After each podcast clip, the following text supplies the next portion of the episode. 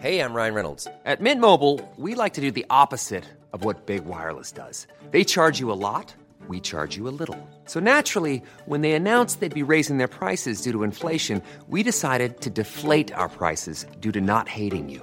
That's right. We're cutting the price of Mint Unlimited from $30 a month to just $15 a month. Give it a try at mintmobile.com slash switch. $45 upfront for three months plus taxes and fees. Promo rate for new customers for limited time. Unlimited more than 40 gigabytes per month. Slows. Full terms at mintmobile.com. Hiring for your small business? If you're not looking for professionals on LinkedIn, you're looking in the wrong place. That's like looking for your car keys in a fish tank. LinkedIn helps you hire professionals you can't find anywhere else, even those who aren't actively searching for a new job but might be open to the perfect role. In a given month, over 70% of LinkedIn users don't even visit other leading job sites. So start looking in the right place. With LinkedIn, you can hire professionals like a professional. Post your free job on linkedin.com slash spoken today. Mandolino salzerà, tutto il mondo esploderà. Ale, ale, ale,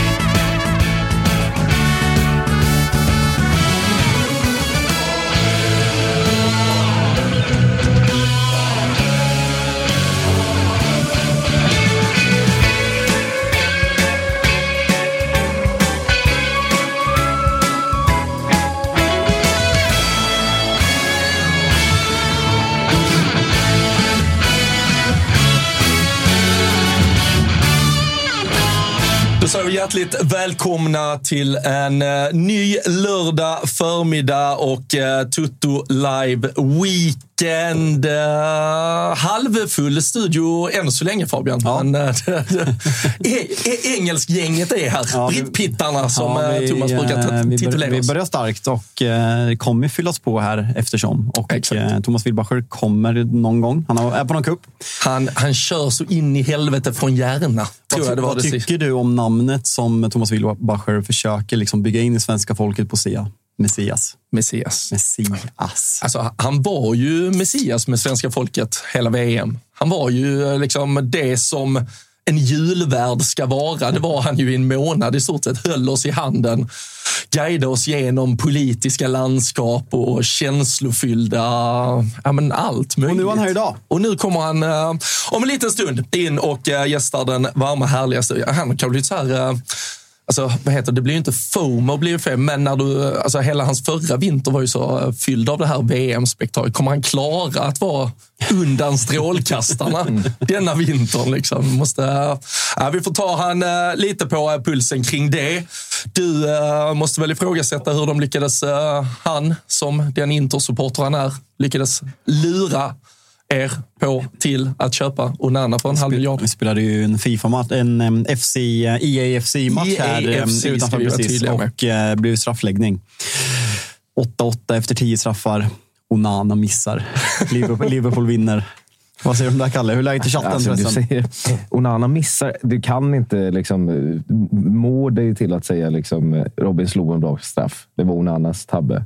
Alltså, Onana, Onana Ja, alltså, vi, kom, vi kom ju så Jaha, långt. Alltså, kom så att Onanas långt. målvaktsspel initialt var dåligt. Ja. Det fick han ju leva med. Ja, ja, Men nu föll det sig så att han också ska slå den elfte och avgörande straffen. Fan, han var och ju- bränner Han nu. var väl bra med fötterna? Ja, men där, där inte ens där var han. Och så här, nu vet man att det sitter någon gammal målvakt i chatten och så här, mm, han missade inte. Alisson räddade. Mm, just det, såklart. Så- hur- hur är läget i De är igång chatten? här. Jo, men det är bra faktiskt. Eh, VP3 käkar kanelbulle till frukost. Så, ja, jag vet inte. Kanelbullens dag har blivit lite så här Valborg, ja, men Valborg, Kvalborg, Finalborg, Skvalborg. Och det Ja. vet, som kan, vara- mm.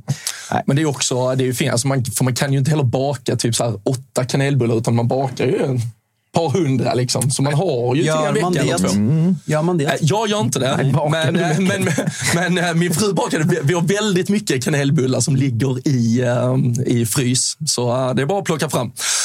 Vi eh, ska eh, sen såklart eh, om ett tag här titta lite på ettorna, dagens och blicka fram mot en helg, komprimerad helg eftersom det är landslagsuppehåll så inget jävla måndagsfotboll och skit. Det är heta grejer i England och Italien kommer väl italienarna säga sen. Men framförallt också jävla massa ångest i den svenska bollen med lite nedflyttningsfighter idag och uh, sen uh, lite toppstrid imorgon. Ja, nej, men verkligen. Alltså, allsvenskan börjar dra ihop sig på riktigt. Nu känner vi att eh, när Svanemar inte är här, då får vi prata lite allsvenskan. Ändå, mm. ja, lite weekend. Nej, men det är en jävla ångestomgång med eh, Halmstad tar väl emot... Halmstad-Degen. Så det är en riktigt viktig match. Och sen AIK AIK Mjällby. hemma mot Mjällby. Då, så Göteborg riktig- hemma mot...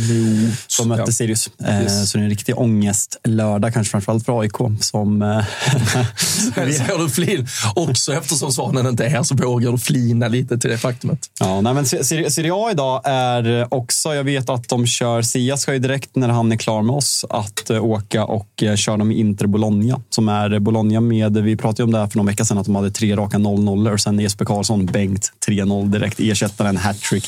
Så Bologna på gång under Thiago Motta möter ett Inter som man inte riktigt vet vart man har, som imponerar men samtidigt lite oväntade poängtapp. Och sen har vi ett eh, Turin- Turin-derby också. Mm. Kommer eh, Jan Andersson till slut kunna räkna hem Jesper Karlsson-gate?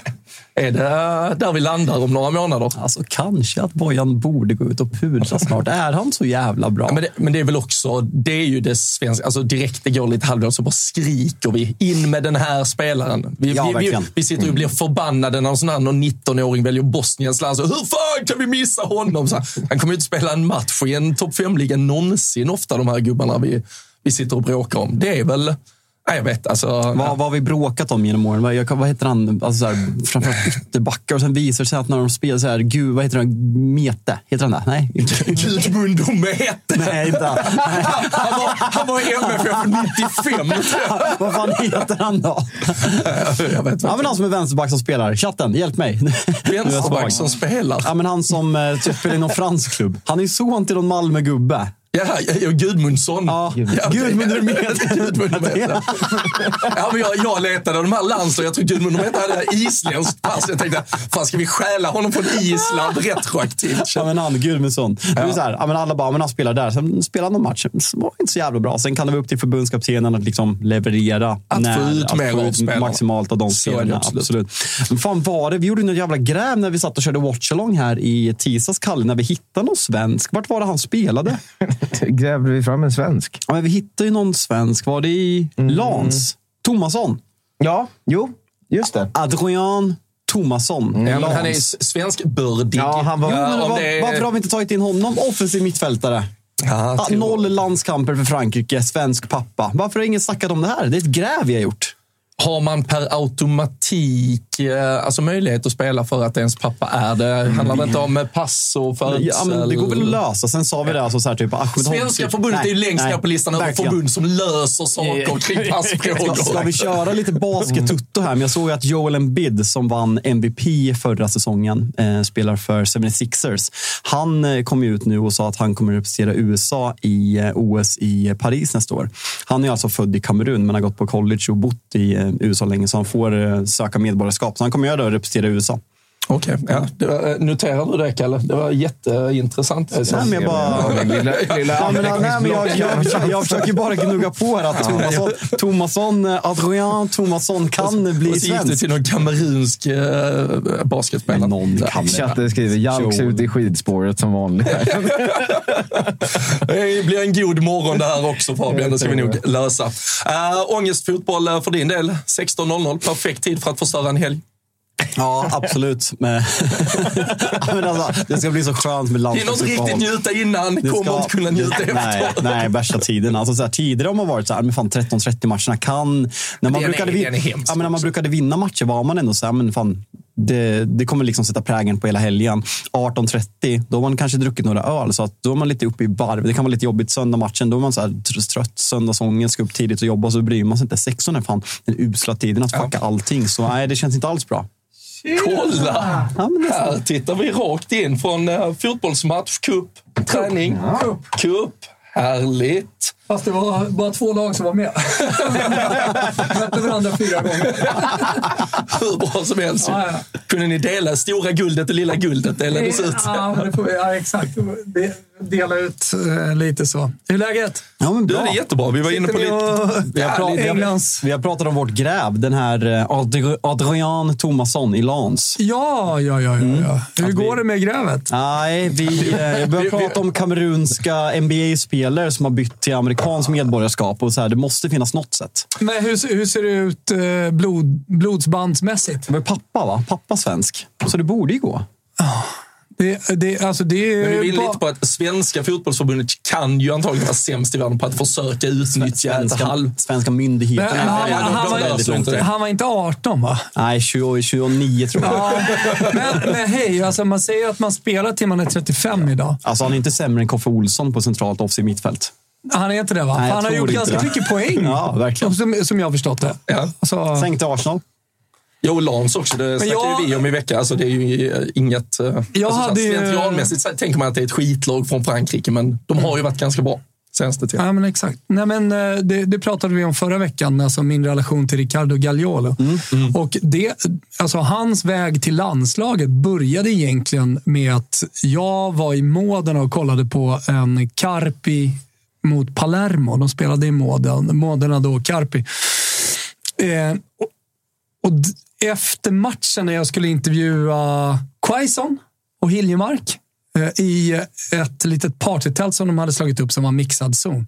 Så kommer han fram till mig och pratar på ganska brut, alltså på bruten, ganska dålig svenska. Och, men, och så efter det fick vi en relation. Och sen så eh, började jag hjälpa honom tillsammans med ett par agenter eh, att liksom få kontakt och visa intresse, alltså så, här, så att det kom ett intresse. Och sen, ja, tog, tog det, jag säger inte att jag tog in honom i landslaget, men det började så i alla fall. Och så fick han ju till slut 45 minuter när han var riktigt dålig på franska Och jag satt, jag satt i VIP-loge med... Då bara lämnade du direkt och rev kontakt. jag satt med hans, hade, vi hade bokat en, eh, en loge och jag satt med hans eh, tjej och eh, hans familj från Sundsvall och kollade på matchen och det var nästan som han skruvade lite på sig.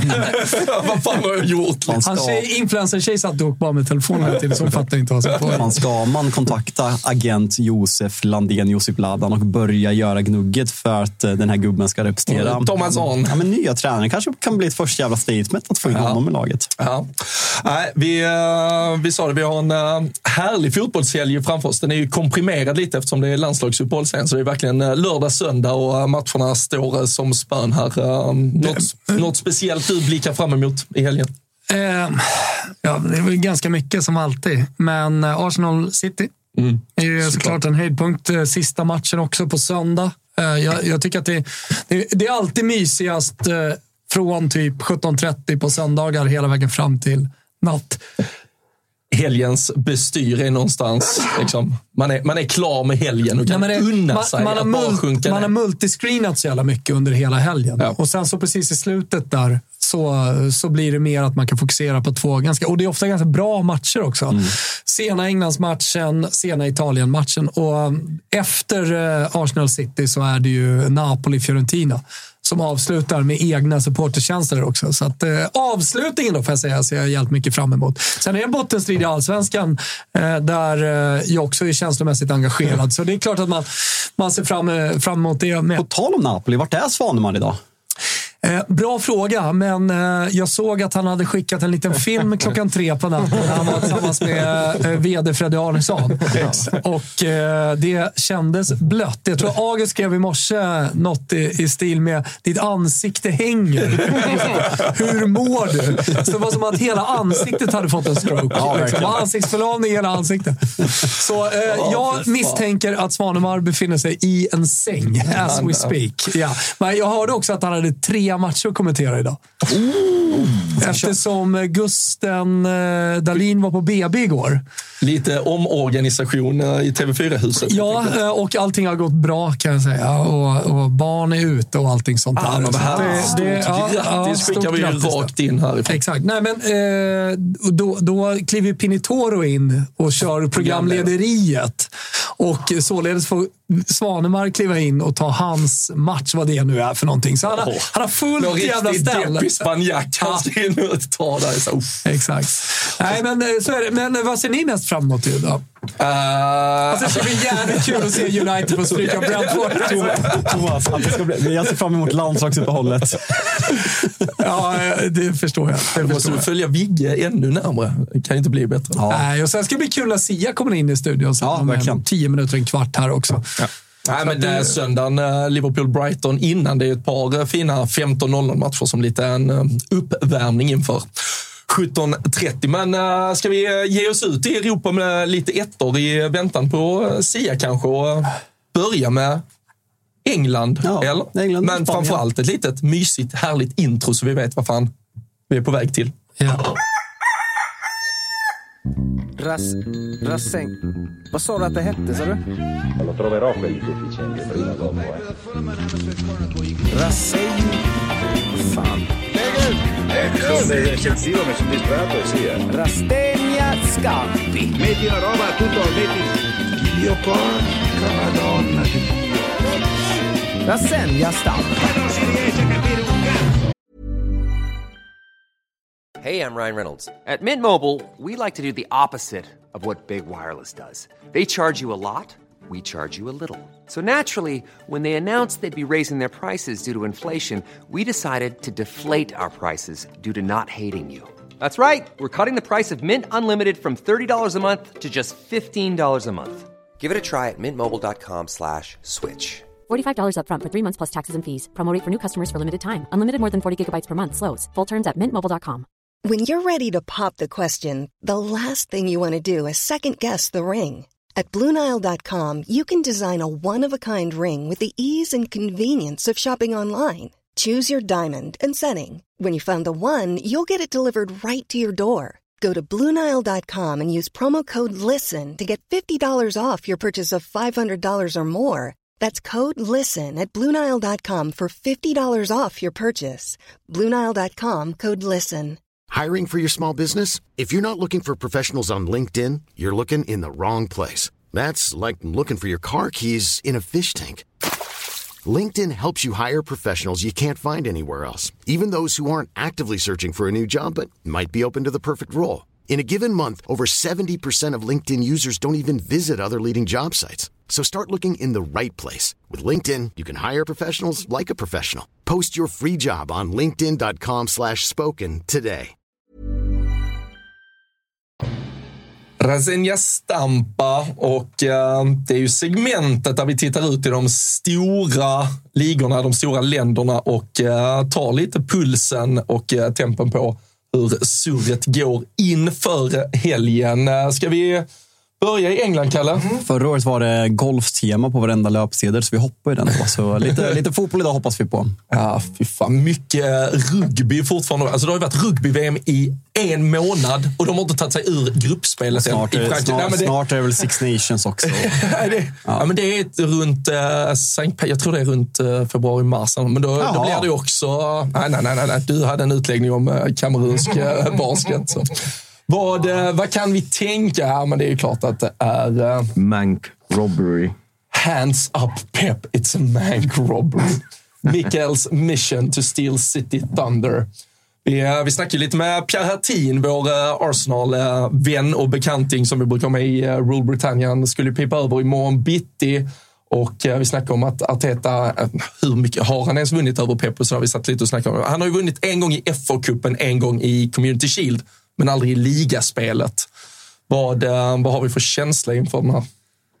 Att City är eh, skadeskjutet. Att Arsenal kommer in eh, med en bra form efter att ha ja, men lite frågetecken kring inledningen skulle jag säga. Men matchen senast mot Bournemouth tycker jag att de är riktigt bra. Eh, fått tillbaka spelare. Det snackades om en skadekris med, eh, med eh, Martinelli och Therese klev ut skadad i, eh, i North London derbyt. Saka var tveksam, men jag tror att han kommer Vad spela. är status på Saka? Jag tror att han spelar. Arteta jag såg ändå ganska många reaktioner från supportrarna. Man menar på att man inte skulle pressa honom i den här matchen Mm. och, och således starta honom på bänken. Men nu, han är, Alltså, han, han, uttagen i- tyckte det. han- Nu vet ju inte de hans... eh, No, han är uttagen i Southgates landslagstrupp till den samlingen som Han är är, bara han är dagen så efter. Liksom. fruktansvärt viktig för det här Arsenal. Och grejen är att med Men Martinelli han har blivit pressad också mycket. Han har Ja. spelat tuff. Nej, alltså, alltså Liksom North. London Derbyt klev han ju tidigt, mot Lans klev han ut igen. Så han har Ja. ju liksom sett... Alltså, Men inte alltså, bättre att bara starta honom på bänken då? Alltså, då, alltså, ja, det konstiga är ju, nu är det lätt att har- vara, det är lätt att vara efterklok, men Ja. varför sitter han inte bänk mot Lans? Det är det som är ifrågasättande Ja, inför jätte- den här matchen, just i Frankrike också. Det är jättekonstigt. Alltså, de vann första matchen mot PSV. Så om det är en spelare som har haft problem också. Jag såg till exempel Dybala. Han spelade inte överhuvudtaget för dem. Han, han, de tog inte ens med honom till matchen. Alltså Arsenal, just för att de kommer i den här lätta gruppen. men- Jo, men just för att de kommer i den här lätta gruppen så har du möjlighet att rotera i sådana här matcher, för de kommer ju gå vidare. Liksom, nu torskar de mot Lans, men vad fan alltså. Det är en, det är en grupp som ska vinna utan större problem. Ja.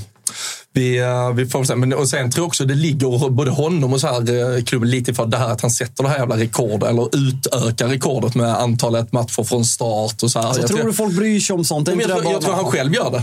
Jag tror att hade han inte haft ett rekord att förhålla sig till att du har startat fan. 87 raka ligamatcher. Rekord, ja. Ja, men du, du har startat 87 raka ligamatcher. Du har Manchester City hemma på söndag. Du är halvskadad. Inte fan väljer han att kasta in och säga, ah, vet du vad? Är bättre. Bättre att vila. Fast jag tror mer att han bryr sig om matchen annan än måste ta det beslutet. Att han har startat x antal matcher Jag tror, i rad. han han, han vill nog starta till varje pris. Sådär. Ja, Själv. Då måste, absolut. som du säger, någon annan, Någon kliva in och ta det. beslutet. Och det skulle ju någon annan tagit, som du säger, mot Lans istället. Ja, men alltså känslan är att. Arteta säger liksom där, it doesn't look good, sa han direkt efter matchen. Och då tolkar man det liksom om det här kan bli månader och nu är Mm. han liksom uttagen i landslagstruppen. Så det känns ju som att Arteta kommer mörka där väldigt långt in så att vi, ja, men att vi kommer få se startelvan vid 16.30 imorgon. Sen är det ju grejen med City, hur kommer de ställa upp liksom balansen?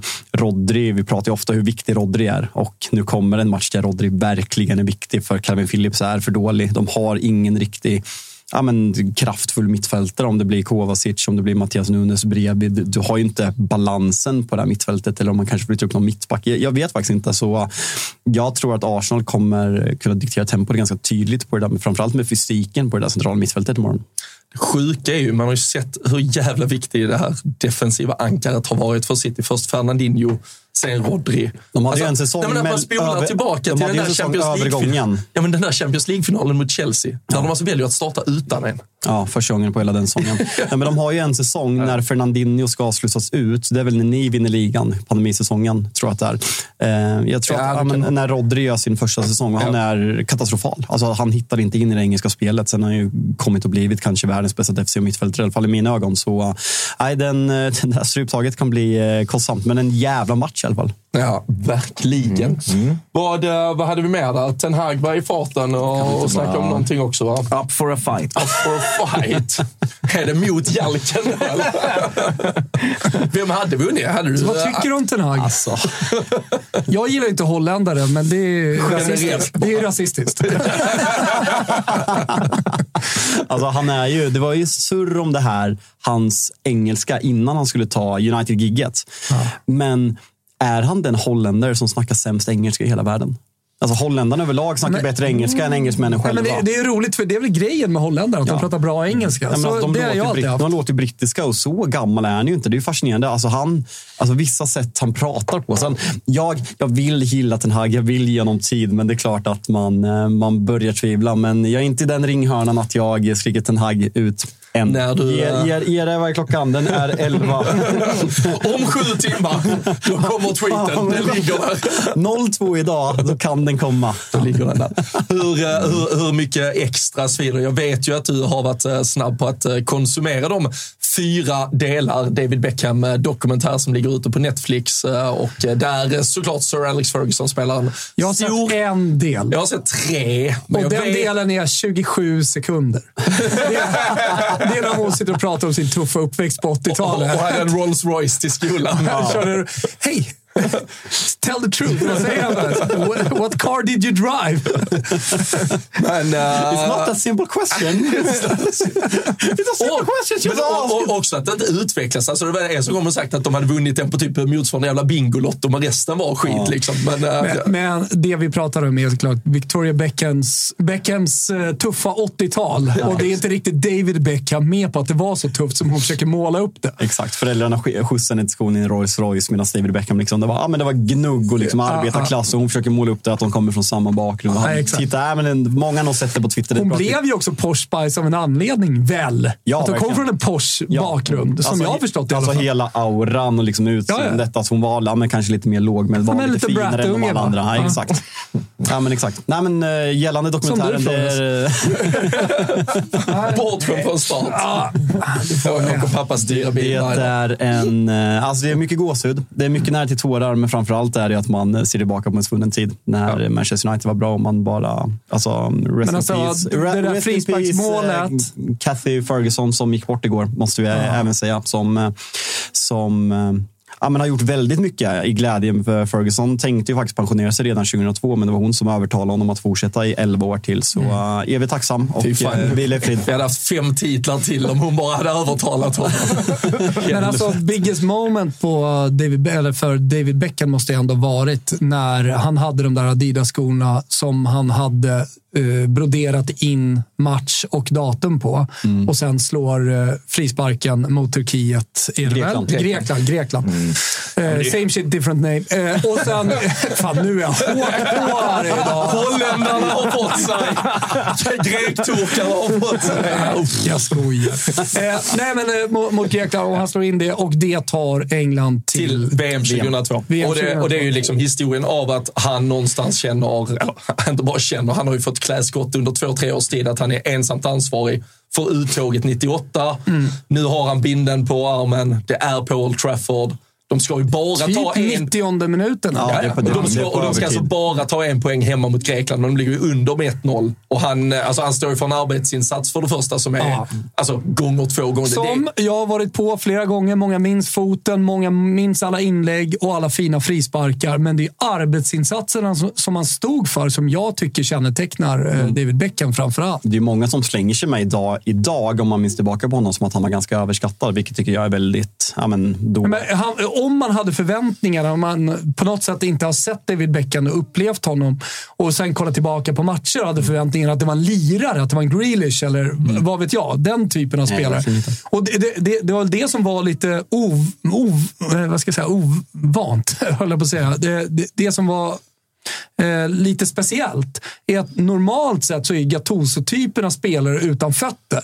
Mm. Men han var ju en Gattuso-typ med en otrolig fot. Exakt. Och det, det är Som gör dem lite unik också. Ja, men det är en yttermittfältare som inte existerar idag. Medan liksom allt, alltså så här, en klassisk liksom slicka linjen, slå inlägg men fortfarande göra gnugget och kunna invertera och spela centralt också. Men, Exakt. Du alltså, sa någonting där. Det är, en, det är en yttermittfältare som inte fanns idag. För idag är de wings Exakt. och eh, attacking wings. Ja, men har, men du han har, var du, ju men du har, du har ju inte. Exakt, du har ju inte en, hö, alltså, du har ju inte en 4-4-2 mittfältare.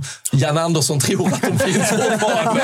Men men finns, nej, men det de finns inte högermittfältare. Niklas Alexandersson, för att Alltså, nämna en svensk. Inte för att han var lik David Beckham, men, men Steve McManaman var, ju, eh, var ju en yttermittfältare, men som var mer en attacking wing. Så, och Sti, eh, Overmars, Mm. han var ju också en yttermittfältare, för man spelade mycket mer den typen av fotboll back then. Men han var ju också en attacking wing, egentligen. Men eh, David Beckham, han var def definitionen av en Så yttermittfältare. det är sådana fruktansvärda talking heads i den här. Alltså Ferguson, Cantona, Gary Neville, det kommer Roberto Carlos, Diego Simeone. Alltså det är, ja, men- Ronaldo, Fi, alltså hela, varenda jävel som har passerat. Zidane ställde inte upp svagt. Nej, men det Vadå, sa- han ställde inte upp och fick frågan, ställde inte upp eller han inte var med? Alltså han lär ju ha fått frågan. Beckham sa ju i och för sig också att Zidane pratar ju aldrig överhuvudtaget. Nej, sant, så han sant, kanske inte sant. hade så mycket att komma med. Men en eh, dokumentär som rekommenderas i alla fall. Ja, Eh, och, absolut. eh, absolut. Och, ehm, som sen, sagt. sen är det ju, alltså, jag vet vi, vi snackade med, i ett avsnitt vi gjorde på, för Rule Britannia, vi snackade med Rickard Henriksson och vi pratade lite Premier League genom åren och allting. Det, det blir ju också speciellt när man försöker, om man ens försöker jämföra typ David Beckham-typerna med dagens fotbollsspelare. För det, Alltså det var ju, för det första var det, det, var- det var ett helt annat tema. Alltså nu slår vi in jävligt öppna dörrar här. Men också här, det var ju inte en Premier League där du behövde ta 95 poäng för att vinna. Alltså, du gick ju förlora mot Wimbledon kanske två gånger. under- Det är där du vill säga att du ändå vinna. att det är synd om Jürgen Klopps Liverpool som nej, men de tar här så mycket spelarna- poäng. Nej, men när vi försöker säga hur bra Beckham är så jämför vi ju siffror ofta och tittar på, ja men det var ju inte 20 mål och 20 assist, men det gjorde ju ingen på den tiden. Alltså det var ju mycket mer upp och ner och du vaskade några bortamatcher för folk var trötta och inte pall. Alltså det var ju en helt annan ja, sport på något sätt. Så um, vi uh, rekommenderar den att uh, kika in på, i alla fall mellan all jävla fotboll som spelas i helgen. Uh, Lite POG också. Men det, ja, men ska, ska, vi vänta, ska vi vänta till Sia kommer? Vi har ju en breaking från Italien. Då. Har vi det? Ja, om vi tar upp Corriere dello Sport så kommer ni få en riktig breaking. Och eh, det är ju att eh, pronti a cacciarlo. Det betyder ordagrant eh, redo att sparka honom. Oh. Och eh, det som också kommer fram då, breaking från Corriere dello Sport, för att eh, Gazzetta dello Sport har inte detta. Så det här har de ju hållit på till första sidan och till dagens pappersexemplar. Eh, Mourinho, Mourinho riskerar, står det. Friedkin eh, kommer att sparka honom om Roma förlorar mot Cagliari. I Tyskland så har man redan eh, ersättaren klar och det är Hans Dieter Flick och som redan skulle på något sätt vara blockerad av Dan Freakin då, som är högsta hönset i Roma. Var det, det där, ganska var, tunga var, var, var, var det där du som kanske kan uh, Mourinho bäst här inne? Han, uh, han, han varierar ju i temperament kan man väl lugnt säga. uh, I veckan så har det ju spridits mycket bilder på det här klippet från, det är väl efter uh, Europa League-matchen. Europa League-matchen, precis. När han tar in uh, någon av sina spelare där och, och hyllar och lyfter fram och visar den här medmänskliga och ja, genuina öppna sidan. För vet han att han är dead man walking typ när han gör det? Är det är det, det som lyfter fram en annan sida hos honom. Nej, men jag, jag tror att eh, Dan Fried kunde ha tröttnat lite på Mourinho. Det är de uppgifterna också som kommer fram. Att han var redo att sparka honom eh, direkt efter matchen mot Genoa. Och, eh, men att Ryder Cup tydligen ska ha kommit emellan av någon anledning. Att eh, det eventet då hade ja, men, eh, på något sätt eh, fått honom att så här, Fast avvakta. hela anläggningen brann ju ner. Ja, brann VIP-läktaren på om det var sex Tydligen så har Thiago Då- då- Pinto lyckats eh, få honom att liksom, tänka på någonting annat. Och jag, jag tror att han också, att det började med att Mourinho var så oklar sin, kring sin framtid efter förra säsongen och egentligen i slutet av förra säsongen. Han fick mycket frågor kring om han skulle vara kvar ett år till. Alltså mycket talade, ska vi komma ihåg, för att Mourinho hade andra idéer om sin framtid än att vara kvar i Roma någonstans där, någonstans där i början på maj. Och det tog ju upp mycket av lokalpressen, men inte bara även nationell press i Italien under maj månad. Det var liksom en följetong. Mourinhos vilja och önskan kring sin egen framtid. Så jag, jag tror någonstans, liksom händer det och det inte var någon rök utan eld, vilket det inte var, eh, så börjar ju såklart eh, en ägarfamilj och eh, sportchefer och allting röra på sig, hitta plan B. Såklart. Han blev kvar, men det lever ju såklart kvar. Och jag menar, förlorar man på det sättet som man gjorde mot Genoa på Marassi, då, då, då är det klart att man börjar li- liksom agera som sportslig ledning. Men hur ser det ut liksom i supporterperspektiv? För vi pratar om det här hur, ja, men hur Mourinho har fått tillbaka glädjen bland Roma-supporterna. Att det är fullt på ett sätt som det inte har varit på så ex- extremt länge. Ja, men Har det är en injektion. Ja, men har de börjat vända sig mot honom även det supportermässigt? har, det har de inte, då kommer de inte göra heller. Alltså man, man, man har sin titel som man vann och man, man har verkligen stått bakom Mourinho. Och det kommer säkert splittra och kommer vara känslosamt för, för många su- supportrar. Men jag tror också att man accepterar för man har accepterat eh, Friedkin-familjen. Så jag tror att man kommer acceptera beslutet. Sen får vi se. Man vet aldrig med Rom. Det är en passionerad supporterskara eh, och eh, det kanske kommer banderoller pro, emot eller så eh, redan eh, inför helgen. Eh, Jag vet inte vartåt det lutar eh, riktigt nu. Som sagt, återigen, det här kom som en blixt från klar himmel. Det är ingenting som man har diskuterat i veckan eller under den här inledningen av säsongen. Så att eh, vi får väl se hur det, eh, hur, hur, hur det går. Sådär. Jag, jag ser framför mig Mourinho out. Ten Hag förlorar 2-0 i halkan. Nej, Så nej, men- står han där igen. Kan du bara låta mig vara en tio minuter i alla fall?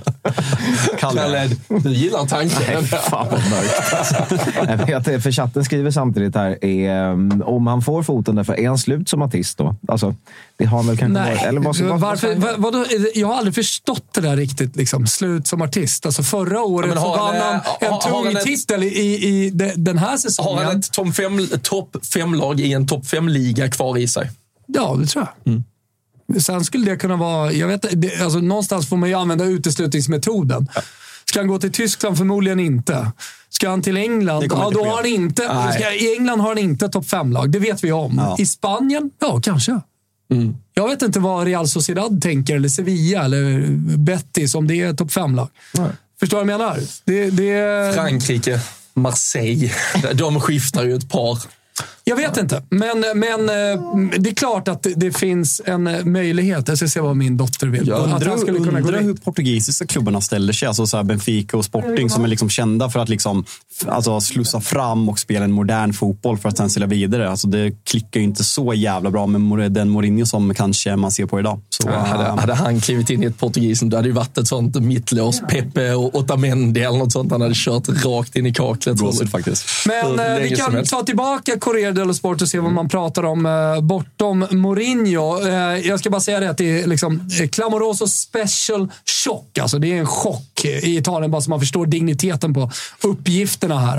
Eh, men eh, vi skulle faktiskt kunna ta Gazzetta dello Sport istället, bara så vi får en annan eh, bild. För att man pratar ju såklart också om Paul Pogbas B-prov, som även det var positivt.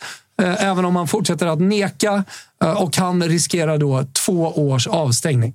Det är det. Ja, det, är I det. den, eng- Fyra ja, I den engelska står det lite- fyra år den och i den engelska. italienska står det två år. Okej. Eh, Det kan väl vara något kanske liga eh, uteslutande och att det finns något Uefa eller något. Och eh, Juventus ska jag säga i detta De kan bryta kontraktet också. förbereder att bryta kontraktet. Eh, processen ska vara klar innan jul. Så innan jul får vi besked. Så att det är fortfarande liksom en tid av följetong vad det gäller Paul Pogba innan det beslutet kommer. Och med tanke på att det har sipprat ut och kommit fram att han har mått väldigt dåligt. Han har funderat på att sluta under hela den här eh, extremt röriga tiden med hans familj. Eh, Jag vet inte om det är någon som känner för att recapa den, men eh, det, det, det var ju utpressning Ja, och allt möjligt mycket märkliga saker med brorsan och, och allt möjligt Ja. där. Va? Så eh, jag, jag, jag tror de som känner, känner ett, Nej, ett starkt Pogba-intresse har, har lagom koll. Utpressning och, Ja. och skit sådär. Men alltså, vad fan, det, på tal om eh, att uh, Mourinho, vad har han i sig? Så Pogba har uppenbarligen kanske inget i sig. Så var, var kommer en Paul Pogba som eventuellt kliver av bakdörren nu från fotbollsscenen? Här? Hur, hur högt kommer han vara på listan över spelare vars potential... Alltså, han kommer stå där med ett VM-guld, han har vunnit titlar, får- han har spelat i de han- stora han lagen. kommer ju fortfarande ses som en av de spelarna de senaste 20 åren. Alltså om vi bara kollar på 2000-talet. På den spelaren som kanske har, eh, alltså som har haft högst potential. Ja, men som har fuckat sin karriär. Ja, men verkligen. Alltså för den höjden han visade, framförallt i Juventus och alltså när han vinner VM-guldet med, med Frankrike 2018 och stundtals glimtar i Manchester United. Men det där valet att han gick till ett dysfunktionellt Manchester United kan ju visa sig vara ett, ja, men ett historiskt dåligt beslut för honom. För man kommer ju se tillbaka på honom på en spelare som förstörde sin karriär. När kommer han tillbaka till United? Är det innan... eh, Innan 18. Ja, det är innan så 16 eller 17. Då, Ja, typ, det är väl Mourinho nästan samma som Zlatan kommer. Borde vara 16, 17. Ni, pl- ni plockar Pogba, Zlatan, Lukaku, Mkhitaryan samma fönster där. Mm, Lukaku kom året efter. Ja, okej. Ja. Ruskiga jävla Mourinho. Vi har ju också Florens första kuppmål som vi kan jobba fram sen. Eh, Det tycker jag ändå är stort. borde vi få med i sändningen också, Kalle. Ligger, ligger, ligger där. kan vi kolla vinst på. i cupen eller? Eh, vann ni i kuppen Florens? Vann ni matchen? Jo, det gjorde ni. Ja, ni vann ju. Ni gjorde ju fyra mål. De gjorde bara ett. jo, när du spelar med Minou. Tänk om, Ja, hon tänk om Stella hade synat allt annat han har sagt om Fan, vann, vann Bayerns... Vann, vann, med de? Gothia eller? Eller tog du bara en bild?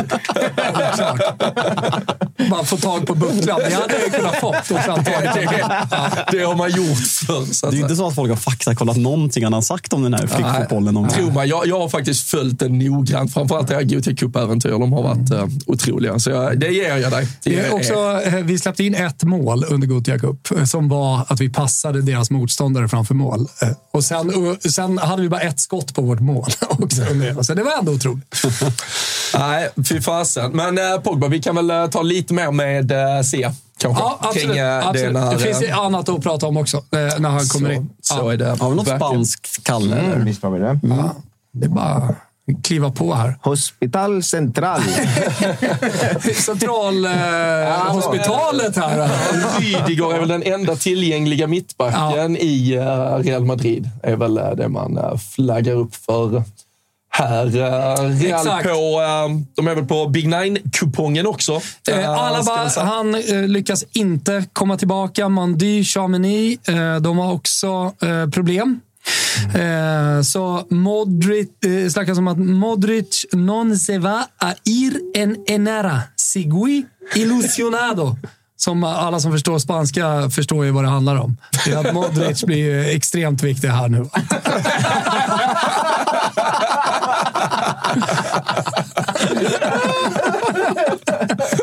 Det kan också vara att Modric inte ska vara med överhuvudtaget. Att Modric är arg för att han har blivit petad.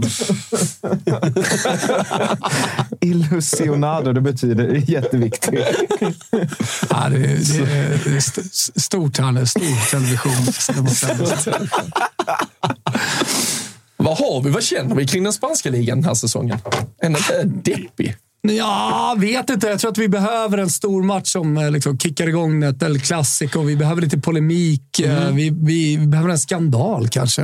Vi behöver en stor match i alla fall som sparkar igång den Ja, spanska men det känns som att. Real har bara handlat om Bellingham. Barca har bara handlat om de är så unga och, och härliga. Det är Ja, liksom det, det är som eh, Thomas profil, säger. alltså ja, de, behöver ju en, de profiler. behöver en rivalitet. Alltså, Ja. så här, att, att Mbappé kommer, att, liksom, att Barcelona... Och Det är det som är problemet med Barcelona. Alltså, de har sina La Masia-produkter. Men så här, Pedri och Gavi, vad gör de med dig? Nej, ingenting. Nej, men alltså, de, de gör, alltså, det finns ingenting. Alltså, det är känslolösa människor, robotfotbollsspelare som är fantastiskt duktiga. Men Mm. de gör ingenting med mig och det är det som La Liga-klubbarna saknar. Om jag får säga vad jag tycker. Ehm, Ja, det får du. Det är därför, du- därför du är här. Tack, tack Thomas. ja, Känns det bra? Thomas. Ja, nej, det, så jag kan, jag kan fortsätta säga vad jag tycker. Alltså. Nej, jag tycker att det är fint. Det är bara, bara att köra på. Vad fan kan vi få då? Mbappé nästa år? Barca, alltså. Ja, efter att ha sett... eh, Alltså, engelsk media kommer ju inte släppa in honom i Premier League efter att ha sett hans insats på St. James' vad Park. tycker i du. Thomas? Då? Vi ställde upp den frågan i, i veckan när vi poddade. Är, är han en produkt av Neymar och Messi? Eller? Nej, det tycker jag inte. Nej. Eh, Så att, nej, men jag, tycker, jag tycker inte ens att frågan ska ställas. Eh, Nej, det är klart det, det Mbappé är en produkt av eh, en otrolig ungdomsorganisation. Han har varit mycket i Clairefontaine, där många av de franska spelarna fostras. Han har sett till att vinna en ligatitel till Monaco. Han eh, tycker jag också har burit sina lag, både klubblag och landslag, eh, under en väldigt lång tid, trots att han bara är 24 år gammal. Vet vad jag Så tycker om- eh, om och, och alltså på det så har han ett exceptionellt facit. Och sett till de, de poängen han gör så är det ju också väldigt många mål som han gör själv. Så det, det är en spelare likt Messi, likt Neymar, som är en lirare.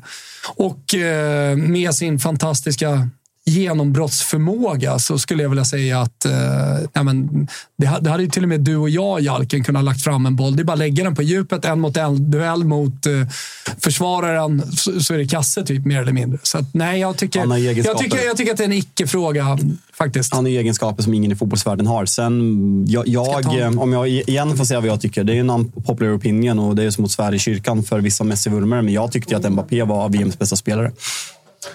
Det är väl inte en super sticka ut hakan åsikt. Ja, men det Alltså, har Me- Messi, vad gör han? Fyra eller fem mål på straff också. alltså, Nej, klart att Nej, alltså, jag- jag- jag- men du, måste, du kommer ändå alltid ge det, det i slutändan till Jo, den men, som vinner. jo, ja, så är det ju. och Det är tragiskt. Och den där diskussionen finns med Ballon d'Or. Alltså, ja. så här att Mbappé, bara för att hans lagkompis missar en straff så ska Messi bli världens bästa fotbollsspelare. Det är, är parodiskt. Men vi, vi kan nog prata om Ballon d'Or i den här studion mer när, när det mm, tillkännages. För Haaland vann trippeln, han vann skytteligan i Champions League, han var två målrekord i Premier League. Men Messi ska tydligen bli bäst i världen för att han var bra i, i tre veckor. Men det är som Eh, så att faktiskt... och han var när- inte ens bäst. När, man tänker på, när, när det är en straffläggning som avgör och det därmed handlar om att just en lagkompis antingen gör mål eller missar. Och det är det som avgör i slutändan om Ja. du blir bäst i världen Mbappé, eller Mbappé gjorde väl tre mål. Eller Han gjorde två mål i finalen plus en straff. Så han liksom har ju bollen i nät tre gånger i finalen. Men bara för att någon sopar till lagkompis ska missa en straff. Nej, men då ska Messi vinna allting. Nej, det är, så, det är haveri! Jalkemo har aldrig förstått Messi.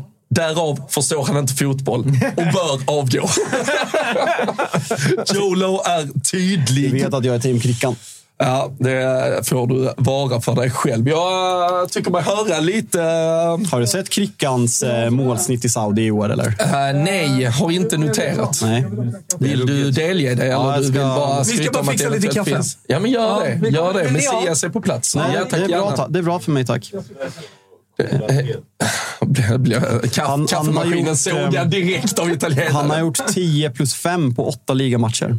Så, um, Tror du det säger mest om Cristiano eller om ligan? nej, jag, alltså, jag kan tänka mig att han eh, kommer leda anfallslinjen när Portugal ska vinna EM-guld nästa sommar. Ja. Kanske, kanske det. Vi, eh, vi sparar Men väl... vi tar eh, såklart avstånd från saudiska ligan. Det eh, som en det- disclaimer. det- trots det- allt. Kolla, han är på plats. Han kliver rakt in. Det är bra själv. Kul att se. Störde jag någonting? Nej, nej, nej. nej, nej, nej. Är mitt uppe i- Ja, vi, eh, vi fick eh, nyss eh, Cristiano Ronaldos starka siffror från Saudi-ligan. Han har tydligen 10 plus 5 på åtta matcher. Gör det något med dig? Nej. jag hade gjort mer med mig om det var Neymar eller eh, Benzema. Vad fan händer med Neymar där borta? Han har redan gett upp eh, det projektet också, eller? Ja. Nej, Han, han ser inte glad ut. Nej, det- nej, fan. Hur är eh, läget med C? Det är bra. Det är bra. Intensiv period. Men Intensiv eh, bra. period. Ja. Det var Champions League-sändningar i veckan. ja, tisdag, onsdag. Vi hade lördag och nu kör vi lördag igen. Vad, eh, om vi bara spolar tillbaka lite där till Champions League-veckan, vad, vad stack ut för dig? Antingen eh, med positivt, härligt, underbart eller som du är mer överraskad över? Ehm, Uniteds totala kollaps. du trodde du hade gått vidare. Eh, att, att Lens slog Arsenal, den såg jag inte komma, även om jag visste att Lens var bra. Ehm, och sen måste jag säga Inter var bra mot Benfica. Alltså. Vi hade den på här. Det var ju liksom, alltså att den vart lite spännande i slutet sett till hur matchen såg ut var ju otroligt för Inter. Satte verkligen ner foten i den matchen. Ja, 45 till 65 är bland det bästa sättet Inter spela. Så äh, det var man ju glad. Och sen arenan också, hela det där. Att allt liksom sitter. Det blir så starka kontraster i vissa klubbar. Alltså om man jämför dem med United, som du säkert inte vill göra. Men du vet, när du har folket med dig, när du har tränare med dig, när du har spelare med dig. Då gör spelare saker som de annars inte gör. Ja, men kolla, kolla på Newcastle. Exakt. Eh, alltså, Ja, så exakt. fort Det- den Burn gör en tackling när de går upp i 1-0 och liksom börjar hetsa igång publiken. Alltså man ser verkligen att det är en, det är en klubb som står bakom varandra ja. just nu och det, det syns på spelarna på plan. Att, Jag hade plockat ut en sån här uh, hetsa publiken-paket från minut ett. Och det var så här inkast eh, 20 meter in på planhalva. Come on! Och så ser man alla. Och jag tycker det är viktigt att ha med för att eh, som ni säger, nu när ni säger det så måste jag ändå ta Newcastle. Alltså, jag, Ja, men det är helt otroligt. Alltså, som du sa, Dan Burn, något, eh, något uh, inkast. Han bara tacklar ut bollen till Anthony Gordon, vinner något halvt pressspel så de i alla fall stressar bort bollen. Alltså, hela sen, Och sen var det väl ett uppdämt eh, behov och liksom en längtan 20 år tillbaka i det här finrummet. Och det kändes som att alla, och jag tycker man måste kunna kontrastera det som kan vara problematiskt. Vi kan diskutera det, men hur St. James, alltså de här supportrarna som har stått och lidit på den där läktaren i 20 år ändå Men det är just kom det här ut och får den att, eh, kvällen. jag tycker liksom att eh, första tio där när PSG är bra, då, då dör ju liksom lite det här eh, stämningen av supporterna och då hjälper ju spelarna dem att vakna. Och sen får de målet och sen är det ju bara rätt ner. Sen så, alltså jag är besviken på PSG för jag tycker på pappret de har bästa laget. Vad, eh, om så, vad blir du? Är det att spelarna individuellt på planen inte får ut mer eller känner du att det är taktiskt inte var förberett för rätt saker? Alltså, jag tycker liksom Mbappé, en sån här match, han ska slakta Dembélé. Alltså, Dembélé möter Burn. Alltså, Dembélé är snabb, han är teknisk. Han, han kommer inte förbi en enda gång. Liksom. Alltså, det där är jag liksom besviken på. Sen så förstår jag inte. Jag gillar ju Vitinha. Jag tycker han är bäst på plan mot, eh, mot Dortmund i Champions League. Och då trodde jag att han skulle fortsätta på det. Men han kör någon sorts 4-2-4 som jag tycker blir lite översprunget. Mycket snack efter matchen också i, i franska tidningarna också om just den spelmodellen man ska göra om här nu framåt. Då Han får inte ut... Alltså, om, jag, jag ser så här, om du har 4-2-4, då känner du att så här, men de måste stanna med en mittfältare och sina ytterbackar för att de har fyra snabba, starka, bra jävlar där uppe att hålla koll på. Men det, det har inte blivit så. ju. Han får inte effekt på det han vill egentligen i sitt anfallsspel. Men eh, det är som du säger också, så man undrar hur stämningen är i omklädningsrummet. Om det kommer bli en sån eh, historia när de är klara med den här lilla eran eh, där spelare pratar ut att det liksom inte riktigt har funkat, att spelarna inte eh, kastar sina hjärtan på planen för sin tränare och, och sådär. För jag, får, jag får i alla fall en känsla när man ser dem ute på planen att de inte är där för att kriga för varandra och för sin tränare. Då kände- och det blir alltid ett problem såklart. Ja, men då kändes det ju på förhand inför den här säsongen att man försökt göra om det lite. Att få in liksom en världstränare som liksom ser till kollektivet för individualister. Man får bort Neymar och Messi som kanske är lite mer åt det individ- individualistiska hållet. Liksom förra, man kunde ju se, kanske framförallt i Champions League, att det stod, ja, men det stod tre anfallare som inte tog pressspelet överhuvudtaget. Så det var ju ja, men chockerande att se den här matchen. också fransmän. Alltså, Ja, jag, in- ja, men jag tror på gott och ont så har man nog nu har man fyllt på med mycket fransmän. Men risken, och vi har sett franska omklädningsrum för eh, splittras också på, på alla sätt, även i landslagssammanhang. Och man verkar ju redan se grupperingar. Vi har, jag tror vi har fyra PSG-spelare som är avstängda i helgen på grund av att eh, de har varit ute och fira Marseille-segern, eh, om det är Kursawa, eh, Colomouani och Dembélé tror jag. till. Ja, men det var väl mer att de spelade in eh, sånger och skickade ut och förnedrade Marseille. och Så det är ligan som har splittrat. Skit, men det är ganska lätt att det blir en fransk, kanske Är det det de behöver i. Spanien lite grann kanske? Det, det är det hatet de behöver, ja. Pedro Gavi står liksom Ja, och hetsar på de där jävla Real Madrid-skitarna. Liksom. Ja, men jag tror Men det. jag, jag måste säga att det där tycker jag de har gjort bra, PSG. Så på pappret har de ändå gjort sig av med lite så. Men jag tror att många fattar nu, alltså så här, även om Messi och Neymar bara går i 90 minuter. Det är ändå två gubbar som ska vara på dem, minst. Alltså Neymar behöver kanske tre. Så det är det som är en stor skillnad. Men jag, jag, liksom, jag tror ändå på PSG. De har ändå, alltså Lucas Hernandez, Skriniar, de här spelarna, Barcola, alltså det, det är bra spelare, men typ Hernandez och Skriniar är ju kaptensmaterial. Det är den typen av personligheter de behöver. Alltså den där Ja, backlinjen på pappret är helt otrolig. Vad- Ja, men det vad- kanske är lite så att det är taskigt att bedöma dem med en ny tränare och det har hänt väldigt mycket Mm. i laget också, bara efter två månaders spel. Alltså det kan ju mycket väl vara så att de behöver mer tid på Mm. sig, att den här gruppen ändå är ganska intakt och att det kommer bli bättre och bättre. Och jag brukar ju vara den som alltid liksom försvarar lag tidigt på säsongen med nya tränare, just för att det tar tid och det är inte nu man ska vara som bäst. Skulle man bara greja att ta sig vidare från Champions League, jag säger inte att de kommer göra det. Ja, för det Och säga, det är sin en jävligt tajt grupp nu med ett, och det är lite otur för dem. Men det skulle ju ändå kunna vara så att de i januari, februari, mars sen verkligen kommer igång och är fantastiska. Skulle man klara sig vidare så kanske man till och med blir en utmanare. Ja, när man men går tittar till- man på liksom stämningen runt om. Alltså när de torskade hemma mot Nice, det är liksom första gången på jag vet inte hur många år. Alltså de är ändå applåderade av plan. Mm. Alltså, jämför med kontrasterna i maj när liksom supportrarna åker hem till Neymar, de åker hem till Messi. Alltså, och då är de ändå bättre. Det här är deras De- sämsta Ja, men det är ju också bara för att fransmännen är nationalister ut Jo, i men det- det- fingerspets. Jo, men det är ju där vi alltså. pratade om förut, att, liksom att man, man vill få publiken på sin sida. United kontra, såg PSG liksom ta över Newcastle. Jag, jag var på plats när eh, United mötte PSG, om det är Ole Gunnar Solskjärs första, alltså tid, det är den bästa bortaföljet jag någonsin har sett i hela mitt liv. Och ja, de tog över staden, alltså det var helt galet alltså. De får ju ganska mycket skit om det där. För Ja. att, eh, de, de har grymma supportrar. Men jag tänkte på att du vet, de, supporten har ju köpt idén. Nu ska det vara ett långsiktigt och det här är den sämsta starten som de har fått under Qataräget. Men det är inte kaos. Alltså, ni vet, i Paris det brinner ju om det är kaos. Alltså om det är dåligt. Ja, men, och jag, tror, jag tror, i och med att de har passionerade, riktiga supportrar, eh, så är man ganska trötta på det som har varit och fått skit av hela Frankrike och till viss del även hela fotbollsvärlden. För att eh, ja, men de, är, de har de ägarna de, de har. De har köpt de spelarna de har köpt. Eh, det har varit ett projekt som har handlat väldigt mycket om att ta in det största, det bästa hela tiden. Sen vet vi också om att det har varit rörigt i organisationen eh, under väldigt lång tid. Det, det är ju inga rykten, utan det, det, det är ju faktiskt eh, när Leonardo var sportchef har fått många, my- mycket skit just för att det har varit eh, ganska oorganiserat och liksom en, en, en slags kaos liksom, internt. Sådär. Ja, men, jag, jag, tror, jag, jag tror att supportrarna då känner att ja, men vi har vunnit ligan en massa. Vi, vi har gjort, även om vi inte har vunnit Champions League, så har, har vi gjort satsningar mot att vinna. Det är inte det vi vill vara. Nu har man fått en eh, annan karaktär på laget eh, och eh, ja, men kanske, kanske känner att... Jag ska säga, gillar det här laget mer, älskar det här laget mer än, än vad de kunde göra med de, tid, med de tidigare spelarna. Och sådär. Jag var ju där när deras första matchen som deras ultras var tillbaka.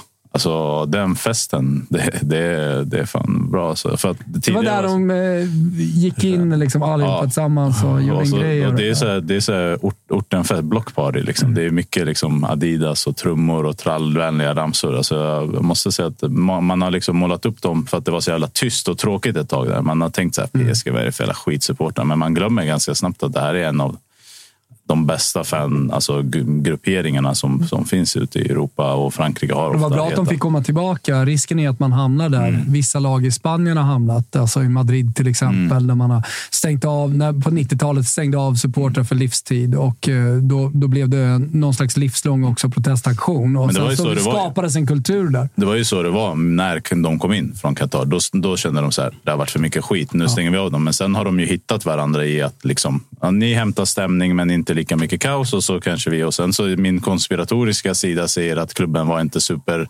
irriterad över att man åkte hem till Neymar och Messi och liksom visade tydligt att ni ska bort. Men ja, det är en konspiration. Det där, det där är en rekommendation om ni inte har lyssnat på det. Nivas eh, When We Were King-avsnitt om eh, PSG som jag håller som ja, men tydlig topp tre där det är mycket om supporterfalangerna och liksom ultrasgrupperingarna. Det är Ja, men det, riktigt bra. finns, Gällande det, mål... det finns ju framförallt ett PSG som fanns långt innan det PSG vi Verkligen. känner idag. Men gällande mm, PSG, målvaktssituationen, Donnarumma, status på honom nu. Alltså det kändes väl att, ja, men att han Vi var... sågar honom lite i senaste Rule Britannia. Tycker att han inte är där uppe bland topp, topp, topp Men alltså, det, det är också...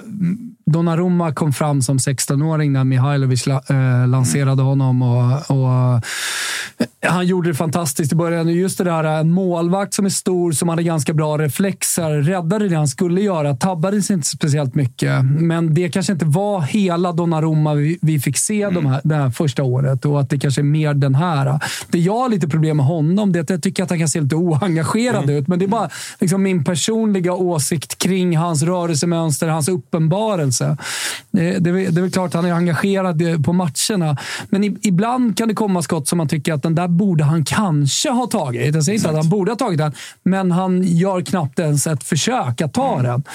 Eh, Lite så- som vår målvakt, ser jag. jag gillar ju liksom Sebastian Frey. Eh, gammal interkeeper, men han Parma, hade ju sin Också. stora... Ja, Parma också. Frontin också.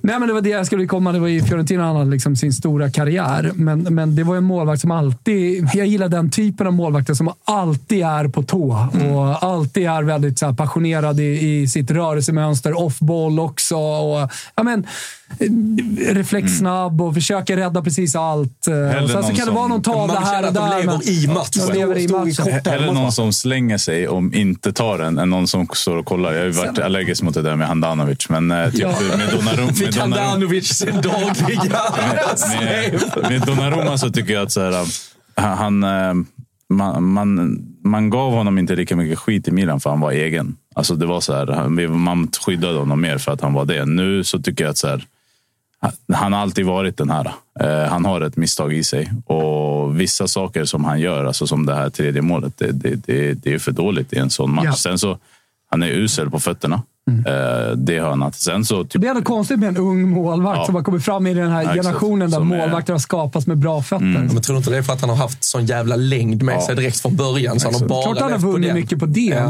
men inte bara. Han är Det som jag tycker är intressant att titta på är att så här, nu, han har liksom haft ensamrätt på målvaktsplatsen i italienska landslaget och jag tycker att det ska han inte ha. Så vi, Vicario, Vicario är nog bättre. Ehm, och, du, och du har en till andra, alltså trea, fyra som är riktigt bra. Och jag undrar liksom, vad gör det med Donnarumma, statusgruppen, om han helt plötsligt, Spalletti kommer in och bara du nu- nu är det andra keeper. Liksom, efter, du vet, alltså, efter Buffon så var det en stor diskussion.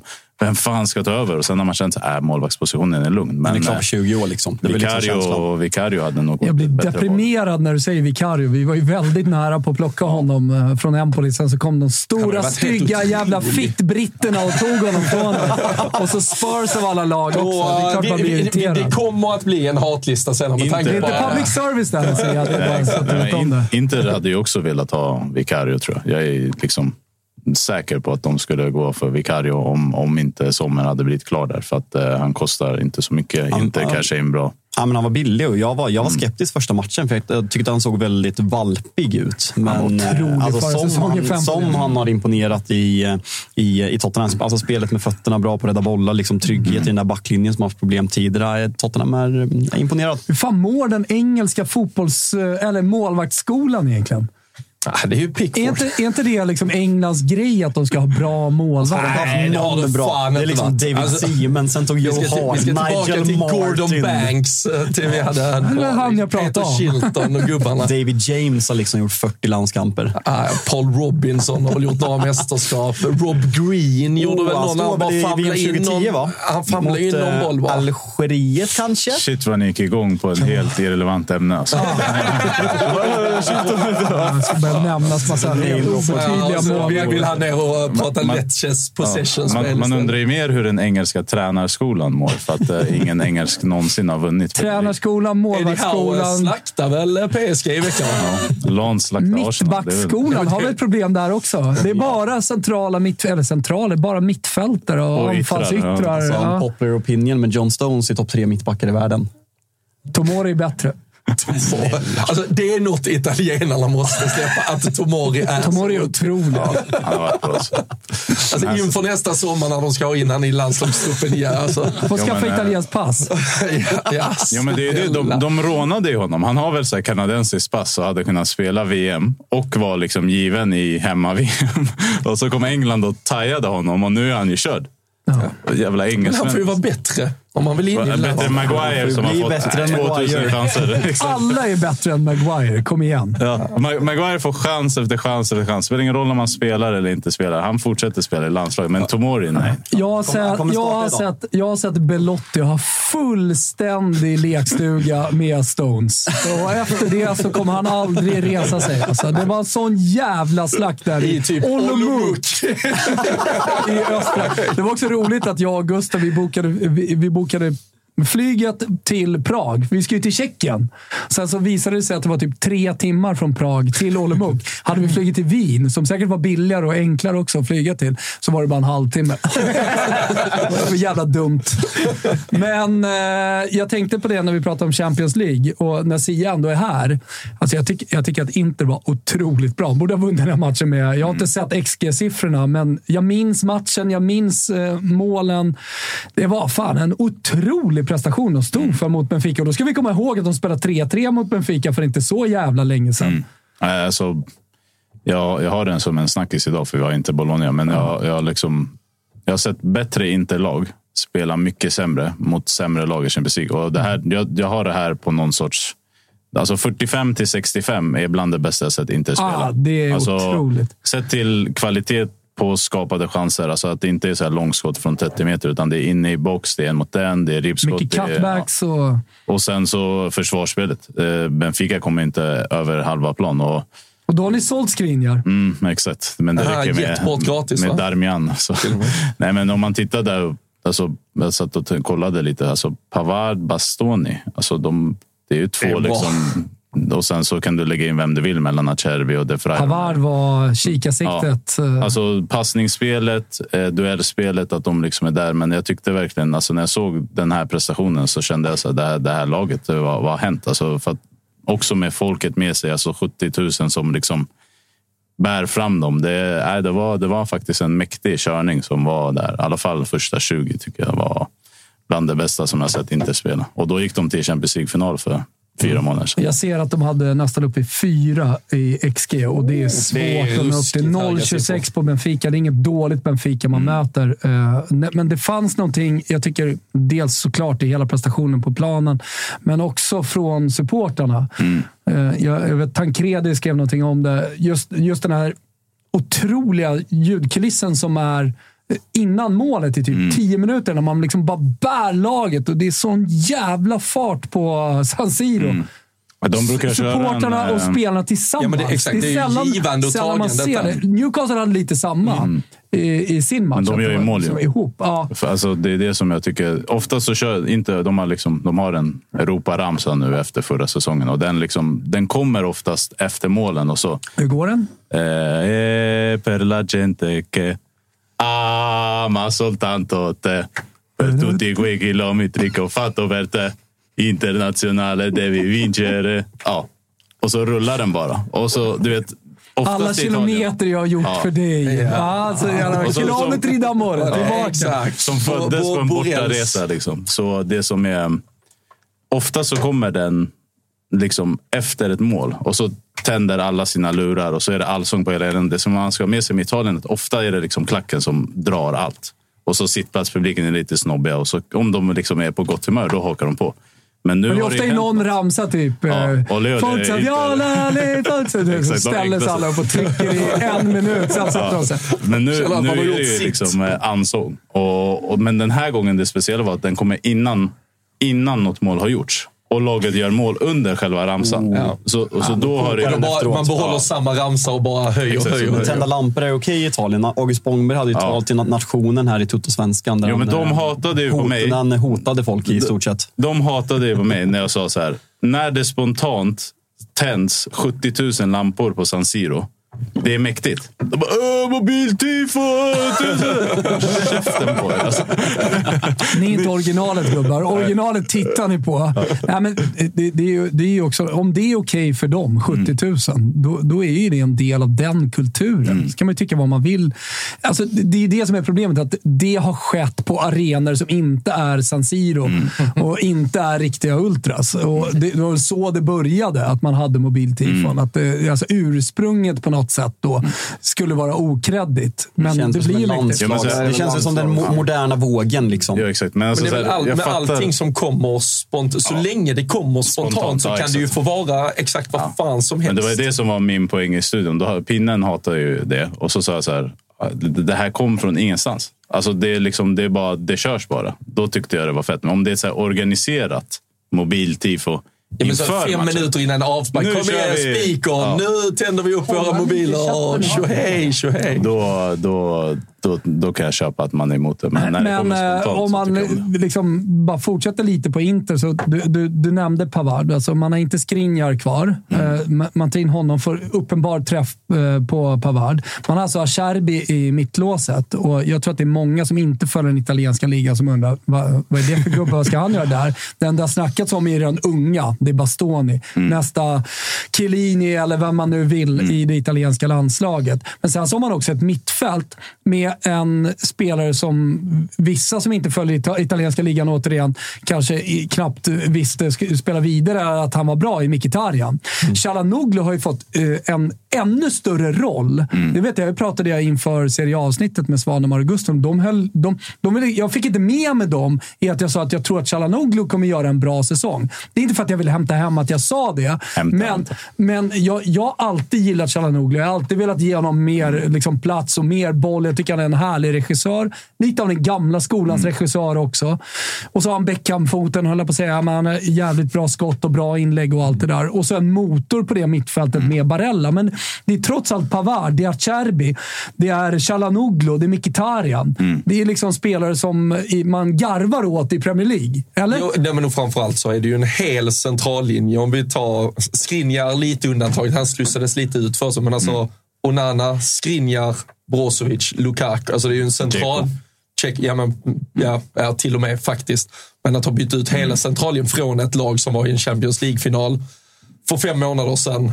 Ja, men det är att det som är beviset på... upp det lite Ja, kanske. men det här är ju beviset på... Det är kanske framförallt, det får du svara på Sia, men det är kanske framförallt någonting man ska lägga till Simone Inzaghi som får ut maximalt av alla de här talangerna. Mm. För att även om du är 30 plus så är du fortfarande, har du fortfarande en jävligt stor talang kvar. Och det, det handlar om att få ut maximalt då av spelarna. Ja, men, jag trodde Darmian och Alexis Sanchez och eh, Mkhitaryan var... Men- de var slut för tio år sedan. Vänta, här har du beviset på att Simone Inzaghi får ut maximalt av sina spelare.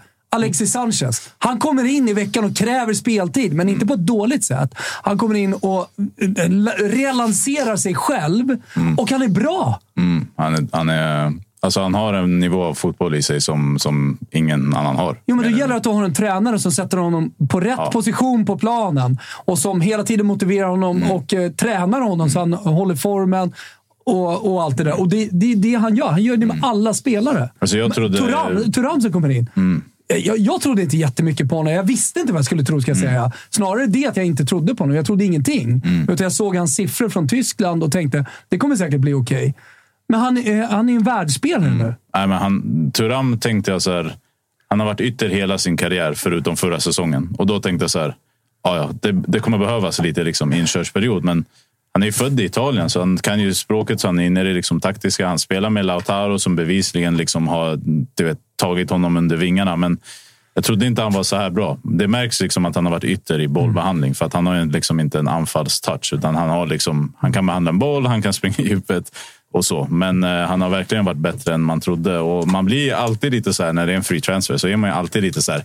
Varför är han free och varför tar inte Barca honom? Eller varför tar inte PSG honom? Eller varför tar inte större klubbar än Inter honom som kan betala mer? Men eh, Inter har ju varit där tidigare. De var ju där redan för två år sedan när Lukaku såldes och så pajade han knät. Så det blev ingenting och då tog de in eh, Korea istället. Eh, så, så det är en grym... Din gubbe, Kalle. Ja, exakt. Var det Lautaro? Eller? Men det som jag tänkte på är att så här, tittar man på Inters 11 och jämför med United, är ju det roligaste exemplet. Men tittar man på liksom kostnaden på 11 så är det extremt många spelare som kostar extremt lite och som gör väldigt bra ifrån sig. Och alltså, Mkhitaryan är liksom symbolen för laget. Han var ju skadad i Champions League-finalen. Han hyllas stort i chatten här också, Mkhitaryan. Ja, och han, att han skulle ha den utvecklingen som spelare och som människa i det här Inter, det, det såg ingen komma. Jag försvarar honom för att jag tyckte han var bra, men jag trodde aldrig han skulle vara liksom ja, men så här, derbykung, gör mål i de typen av matcherna, var bra i Champions League, alltså den typen. så han har ju, han har ju slutat i landslaget och jag tror att det är viktigt att så här, han när alla andra åker och reser och sliter sig, då vilar han två veckor. Mentalt, mm. kroppen och tar hand om sig och han kommer förnya med Inter också. Han är, han är, han är verkligen en men, symbol. Men eh, liksom grunden till ett välfungerande lag. Vi pratade om PSG, att de har haft lite Mm. kaos i sin, sin organisation under åren med Leonardo och så vidare.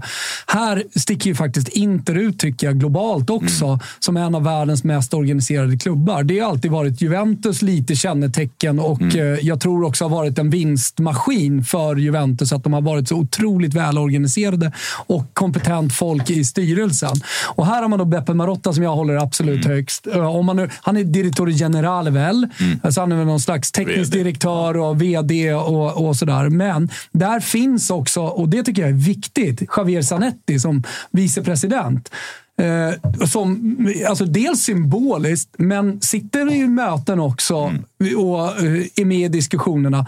Och sen eh, en spelare, jag på säga, men han är väl en spelare på sportchefshåll eh, som jag tycker är underskattad, är Ausilio, som också är med i, i allt det här. Alltså det, är en, det är en trojka, det, det, det är en organisation som är eh, dels eh, liksom fungerar ihop, personerna, och som väl utformade. Alla har sina tydliga uppgifter. Det som är viktigt med Marotta är att han, eh, han vill vara bra människor. Eh, Alltså inte var kaos innan Marotta kom in. Det, det var, alltså, toppen nåddes någonstans med hela det här Wanda, Icardi-kaoset med tv och kommentarer. Och, alltså, du vet, det var grupperingar mellan Icardi mot kroaterna, Perisic och Brozovic och så kanske de ville lämna. Alltså, Sen, kom ju, sen Marotta kom in så har ju liksom Inter gått från att vara en klubb där det bara läckte. Du vet, ah, den här spelaren körde full den här kvällen eller det där gjorde det till att det bara är noll. Och Marotta har ju liksom även i Juve eh, den typen av så här, vi värvar bra människor och om du fuckar upp då är du ut. Alltså Vidal var topp, toppklass när han lämnade Juventus, men eh, han, han liksom festade lite för mycket. Och är inte hanteringen av hela Lukaku-situationen eh, kanske körsbäret på tårtan vad det gäller att eh, in, alltså inte ta in personer då som eh, inte följer de liksom, riktlinjer som han har för spelare i Inter? Nej, men jag, jag tror att där tyder på, för att det som de säger är att här, Inter jobbade ju för att få tillbaka Lukaku och när han slutade svara på lagkamraterna, då var det liksom Barella, Bastoni, eh, Lautaro eh, som liksom nu är de viktiga gubbarna i omklädningsrummet som liksom gick och sa vi vill inte ha tillbaka honom. Och för fem år sedan så hade inte det där hänt, för då hade omklädningsrummet inte varit starkt nog eller bildat nog av den här kulturen man har skapat där så här, laget går först. Så då har de sagt vi, vi vill inte ha tillbaka honom för att det, liksom, det går inte i omklädningsrummet. Och det, det är bra jobbat alltså, av alla. Men vad, vad är det som... Alltså det känns som det är två... När ni vinner scudetton och sen efter det Lukaku lämnar till Chelsea, Hakimi lämnar. Det, det är liksom, vad har vi mer för spelare? Ja, men det, är liksom, det känns som ni säljer halva laget. Eriksen dör nästan. Conte lämnar. Eh, Han fystränaren Pintus som alla älskar i Real Madrid nu lämnar. Ja, men det kändes verkligen som alltså en, en nedmontering från Mm. Inters sida. Om det, är, om, om det är tre säsonger sedan, vad är det som har, har organisationen ändrats sen det? Eller är det mer att ägarna ville casha in och sen har ni vänt, gjort det på ett billigare, bättre sätt, men en bra organisation som har löst det? Alltså pandemin slog inte hårt för att Inter har eh, förra året hade de 80 miljoner euro i arenaintäkter. Annars ligger de på 60-70. Eh, det tog pandemin bort och där var Inter i ett slag där de höll på att liksom ta ett steg från att vara en normal italiensk klubb till att vara en toppklubb i liksom Europa. Och där så, alltså det är inte alla italienska klubbar som värvar Lukaku för 600 millar från United eller Eriksen för 200 millar från Tottenham. Alltså det är väldigt otypiskt att italienska klubbar kommer och värvar från världens största ekonomiska klubbar. Där var ju de då i det här projektet med en tränare som Conte som kostade extremt mycket. När pandemin då kom så tappade man ganska mycket intäkter. Du tappade Champions League-pengar, du förlorade Europa League-finalen och sånt som hade kunnat ge ännu mer. Så det slog ju inte hårt ekonomiskt. Så Inter har liksom höga skulder och dåliga ekonomiska resultat. Och för att liksom överleva så var man tvungen att sälja för att få det att gå runt. Nu har Inter gått från att göra minus på typ 2,5 miljard till 800 miljoner. Och det som man säger är att om Inter går till liksom åttondelen i år och har ett topp fyra resultat i ligan, alltså en normal säsong. Vilket de kommer ha. Ja, alltså, det, behöver, då- det är inte ens en jinx. Då kan man ha ett plus minus noll resultat nästa säsong eh, för första gången på extremt länge. Så hela anledningen var inte att ägarna skulle casha in utan att de de är i Kina också och Kinas ekonomi har, har påverkats enormt. Kinas regering har liksom satt stopp för investering i utländska verksamheter och då gör det att de inte kan få loss kapital från sina verksamheter. Och det här gör ju då att Inter måste liksom försörja sig själva och det gör du genom att sälja spelare. Så även i år så går det liksom plus minus noll på marknaden. Men Inter har ju sålt alltså Onana för, för 600. Lukaku lämnar med en tung lön. Brozovic, Skriniar. Alltså alla de här spelarna, Dambrosio, Handanovic. Alltså, det är ett stort... Det är det som jag tycker någonstans är imponerande. Att Inter sparar pengar men fortsätter leverera. Och där är ju långsiktigheten i den sportsliga ledningen som är det liksom absolut men Det som, det är där man ser alltså, de klubbarna som är välskötta kontra. Alltså, det är så lätt Mm. att det blir tjatigt att man tar Manchester United som ett exempel, men det är så lätt att gå för det är raka motsatsen mot en sportslig ledning som, Mm. Som gör utstrukturerade saker och liksom värvar smart, billigare för att liksom sätta strukturer. Medan United, ja, men han passar till Hags spel. Han ska vi splasha en miljard på. Och sen, alltså så här. Alltså det man vill se är så här, hur levererar Inter med Marotta och Silio, eh, Simone Inzaghi om de faktiskt kan spendera pengar ordentligt. Alltså om de inte behöver sälja nyckelspelare varje sommar utan kan värva det de vill värva. För att, eh, Men det, om man kollar på den startelvan som spelar mot Benfica så är det väldigt få spelare också som man kan sälja, som är intressanta att sälja. Det är möjligt att någon blir intresserad av Saudi-pengar såklart eftersom det fönstret har öppnats. Bastoni och Barella är väl Ab- alltid heta. Barella kommer ju vara intressant för Thuram alla Premier League-klubbar. studs. Turam kan definitivt ta, ta en studs, men annars Chalanoglu, Mkhitaryan, Di Marco. Eh, Dumfries eh, skulle väl kunna bli intressant för, Di för en Marco, Premier League. Dumfries, tror jag. Ja, men Acerbi ska ingenstans. Pavard tror jag inte ska någonstans. Nu har man värvat Jan Sommer i målet. Tillräckligt bra. Mm. Ja. Alltså, det, Om du har en bra backlinje. Så. Om du har en bra backlinje så är han tillräckligt bra. Jag gillar ju honom. Jag vet Ja. inte varför. Jag alltid gillar honom bara. Liksom. Så Han, han är lite Sebastian, Ja, så han han är lite. Sebastian Frey-lik. han är. Schweiz svar på Ochoa. Man glömmer honom varannat år och så dyker han upp i EM och VM. Och sen och sen helt bra. otrolig varje gång. Sådana är så jävla fina. Ja, de- alltså, de- de folk man bara glömmer bort. Så tycker jag egentligen Dumfries har varit. Nu kanske du tycker att han har varit eh, bättre, men alltså... Brittrunket. nej, men, nej, men I holländska landslag, varje mästare, eller de senaste, vad är det, två, tre, så är det ju som att det, då är det ju världens bästa höger Han, wingback. han är ju liksom. deras största stjärna i, alltså, i det landslaget. Vem har du mer? Van Dijk? Ja. Vem är det som avgör matchen? Gakpo. Jo, men vad har han? Fyra assist. Det är, det är inte Gakpo, det är Du inte kan säga- Gakpo som gör fyra assist. Ah, alltså. Okej, om Holland ska sälja ut nästa kvalmatch sätter de inte Denzel Dumfries på den största jävla affischen i alla fall. Nej, jag sett- Nej, nu får alltså, vi sätta ner foten här. Ni får se alltså min affisch där är Dumfries. Nu får ni göra en egen liten affisch. ta, ta, upp, ta upp senaste matcherna, Holland, och så ser du vem som har gjort mål Jag, ser- jag och vem som har gjort assist. Vi tar, ja, vi- Blind stor show och, i så, Girona. och, så kommer du, och så kommer du se vem det är som är the star Alltså, player. Gakpo gjorde ju mål på straff här mot Irland. Eh, sen har ju Dumfries då assist till Weghorst. Eh, Oh, wow, Weghorst är ju den som frontar såklart. Sen möter man Grekland på hemmaplan och vann med 3-0. Och då är ju Denzel Dumfries framme med dubbla ass också. Okej, innan det? Vi är snart tillbaka i mästerskap. Man mötte Italien. 3-2 förlorade man med. Eh, Då... då Nu, nu är det något som inte passar Thomas agenda här. men det är för att han är schysst mot Italien. Jag gillar Italien. Den matchen. Läggmatch mot Italien. Men man mötte ju Kroatien också. Kört. Nej, men, Där var han... Där var han med. Ah, han var inte ens... Men han kanske, Jo, han var högerback. han kanske är lagkapten, eller? Ja, men han, om, vi kollar, om vi kollar färskt i landslaget, varit mycket, mycket bra. Många ass. Det är okej.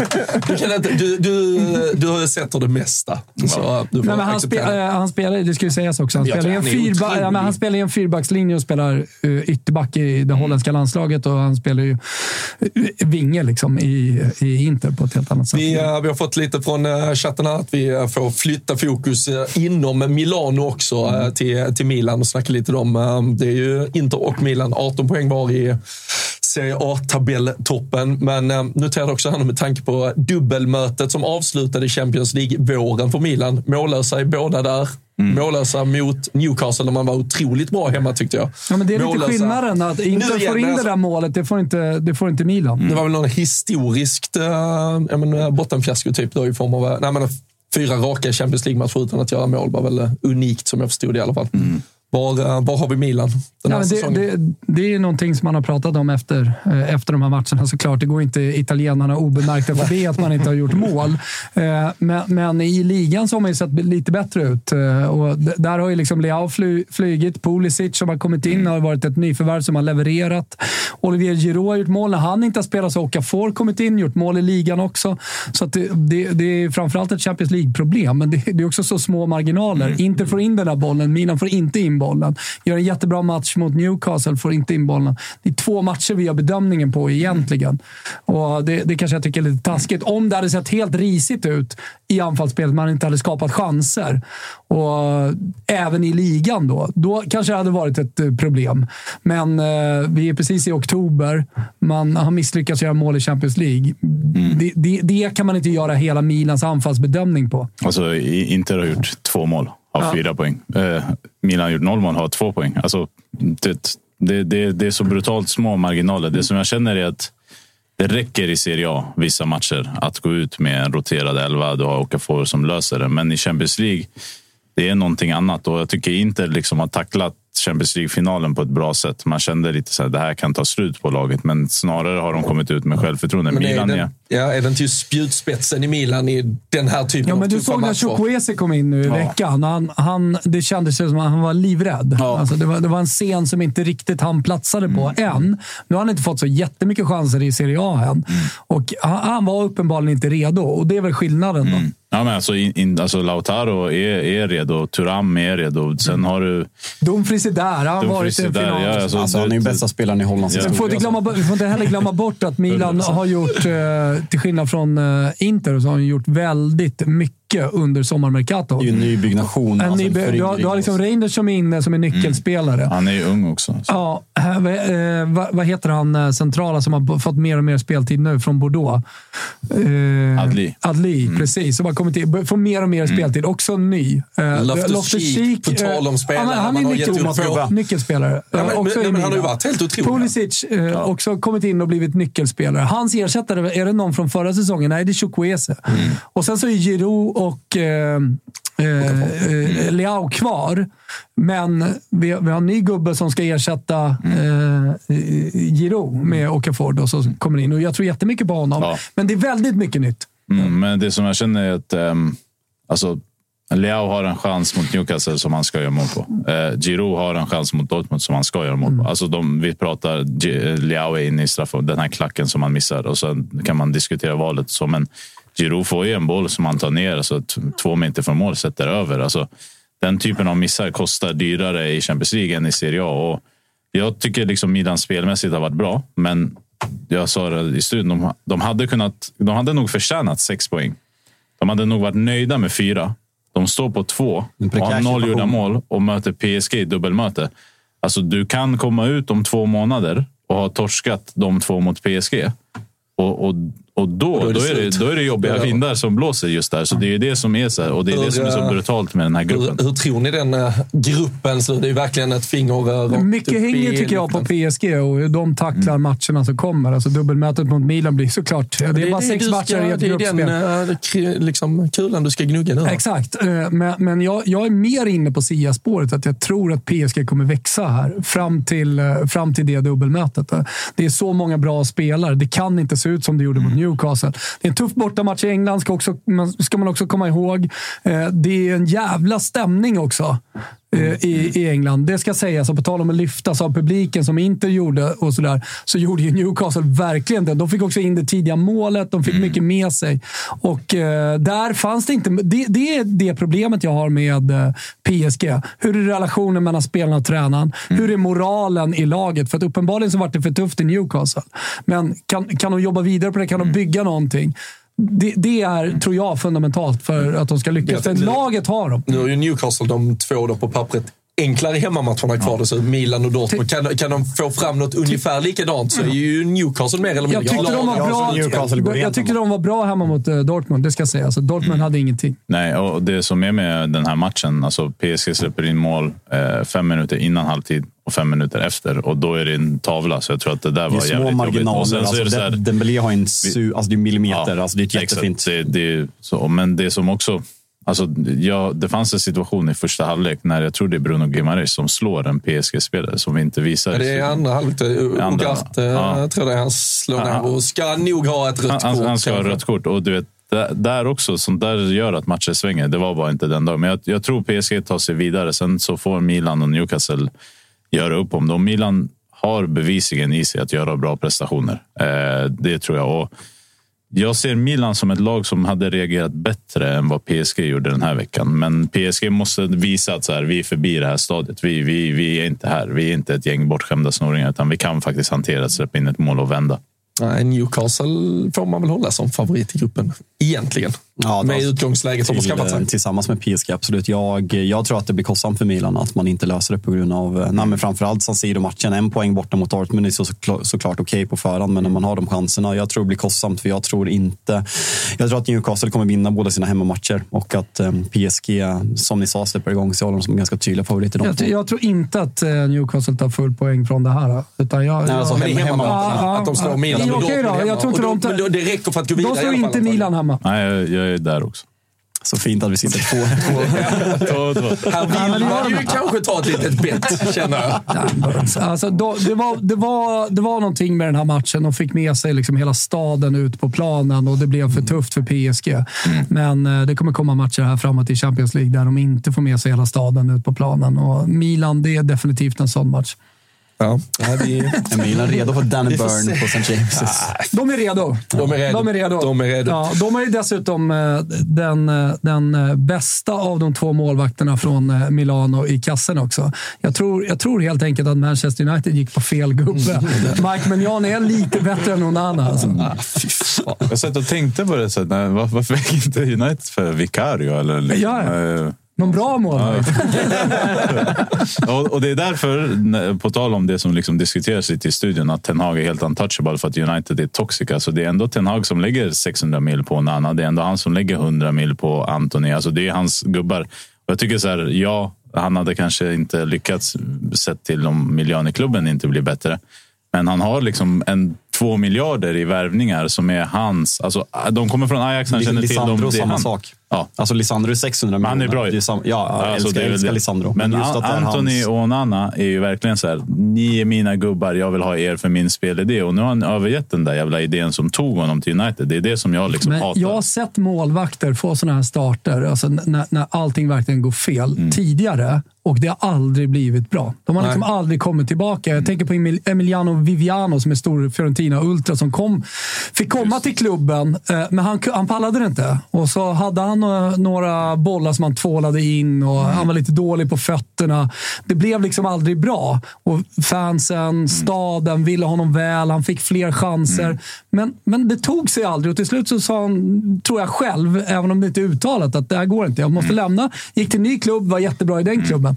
Nu har inte han supporterrelationen Onana, men jag har ändå svårt att se hur han ska resa sig från detta. Alltså han är ju spritt galen. Det är väl det som är så här, det är det som talar för att han liksom kan komma tillbaka. Sen så är jag så här, jag såg alla matcher jag spelade inte. Jag känner inte igen den här målvakten. Något, alltså det, och jag tycker liksom det som jag jag, jag, uppskattar att han liksom tar ansvar. Vad, försök sätta ord, för jag tror antingen så kanske man kollar Premier League eller Serie A. Så Mm. om du nu kan faktiskt jämföra, vad är skillnaden? Vad är det Nej, men, han ett- gör annorlunda nu Alltså, i sitt spel? Onana i sin bästa är inte bara en bra målis. Han är en karismatisk ledare. Han är liksom, han är uppe alltså, typ i matcher. I, alltså, han stod liksom och bråkade med Dzeko under pågående Champions League-matcher. För att ni- du, du fattar att du jiddrar med din mittback, men inte med Dzeko som står 50 meter bort. Men så var han i Inter. Det var den typen av...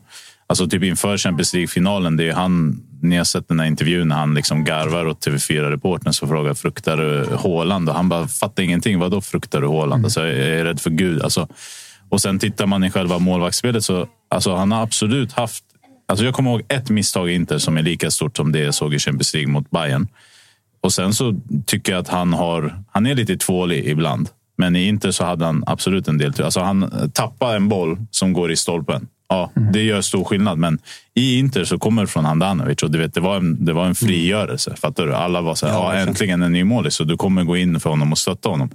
Det som jag tycker är så här, när jag ser att Onana liksom står inför matchen till norsk press och säger så här, det här är mitt fel. Och sen Mm. efter matchen så ska han prata med alla. Jag gillar att han tar ansvar. Men det märks att så här, han har tagit åt sig. Ja, Om han har tagit åt sig, då betyder det att han inte längre är Onana som var i Inter. Han, Nej, och han tänk- det i huvudet Jo, men han tänker på det. Alltså det som jag, typ, en av de sakerna jag reagerat mest på är typ, alltså, hans agerande på Icardis lobb. Alltså, det ser ut som att han inte ens försöker Ja. rädda på den. Han ligger liksom. Han gör det enkelt för Icardi. Och, och det där eh, känner jag inte igen från Inter. Nej. alltså, Nej, I, i själva målvaktsspelet. För att I Inter så tycker jag att han var så här. Han stod, han stod, han stod. Sen var han jävligt reflexsnabb. Och, och jag är så här. För mig är det okej att en målvakt gör misstag. Jag, jag vill bara se en förbättring. Alltså jag är så här, åh, du kan tappa in en boll. Det händer alla målvakter. Det som jag hatar är liksom när principerna i målvaktsspelet inte stämmer. Ah, han kommer aldrig ut och ta ett inlägg. Det stör mig.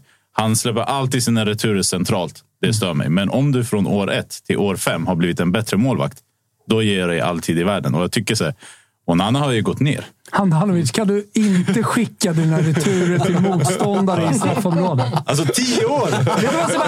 Jag- Tio jag- år!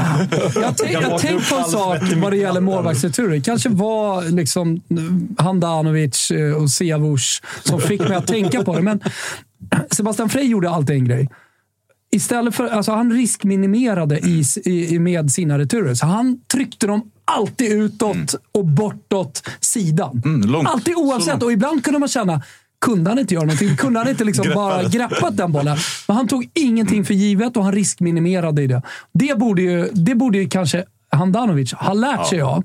Och jo, eller ha lärt sig av. Han kanske inte lära sig av Sebastian Frey, men han borde ha lärt sig. Mm.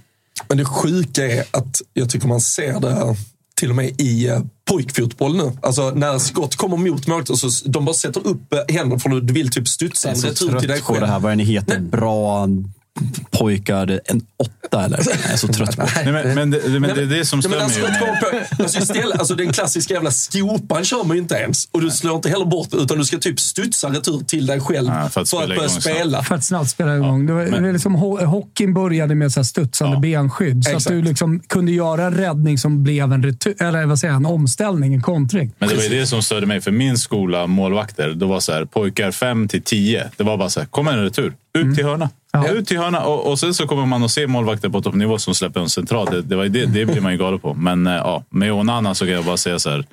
Det som jag tycker är med Onana och som jag har skrivit i en text också på Fotbollskanalen är att så här, den positiviteten han har, den karisman han har, den behöver du om du ska komma ur en sån här situation. Och vi får se hur länge han kan Men jag hålla tror det. den är vattenvärd i Ja, den. men sen, men sen, eh, sen, alltså- sen om man ska försvara liksom United till viss del. Alltså det har varit enorma skadeproblem. Lisandro Martinez har spelat halvskadad, är borta nu i tre månader. Shaw har missat väldigt stora delar av säsongen. Vi har inte spelat med alltså, fyra samma backar en enda också. två matcher i rad. Men Reg- Reguilon ska ju på pappret vara tredje det. val, men han är skadad också. Men det, det, är där, så här, det är där jag tror jag kommer ifrån och kanske Thomas kommer ifrån. När jag ser pengarna United har spenderat, då är det så här, för mig är det oförsvarligt att du ställer upp med den här elvan. Och Johnny Evans är bästa mittbacken i laget. ja, alltså, och, jag, hoppas han startar idag. och det som jag hatar med Ten Hag, eller som jag tycker om. Alltså jag tycker så här, du kan inte spela Amrabat som vänsterback. Fan, sätt in Maguire. Jag, jag tycker inte Maguire är skit. Jag har liksom kommit full circle. Thomas krönika påbörjade mitt hat.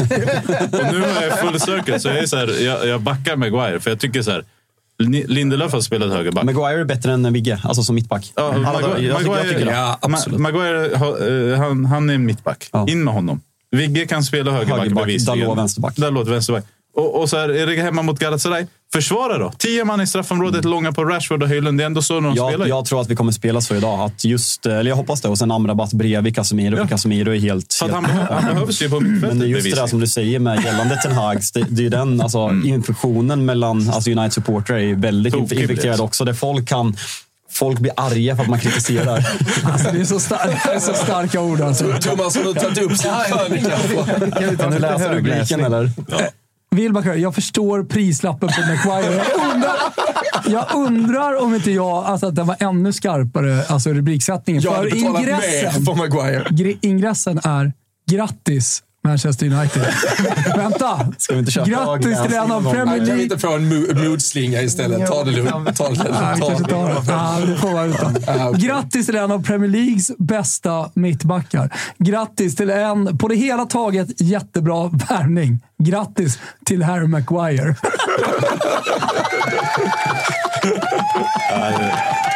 Så här började jag hata honom för att jag höll liksom verkligen inte Ja, det är med. en otrolig krönika.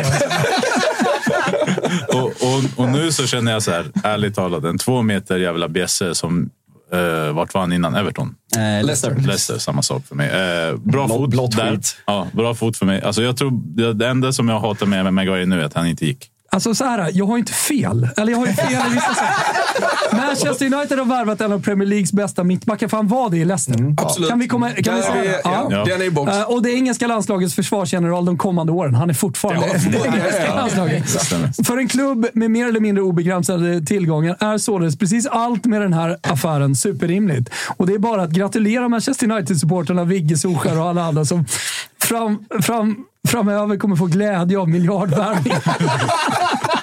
Ja, ja. Sta, sta, startar han idag ska den här... Äntligen på kanske, det blir, äntligen kanske det blir lite ordning och reda i det där.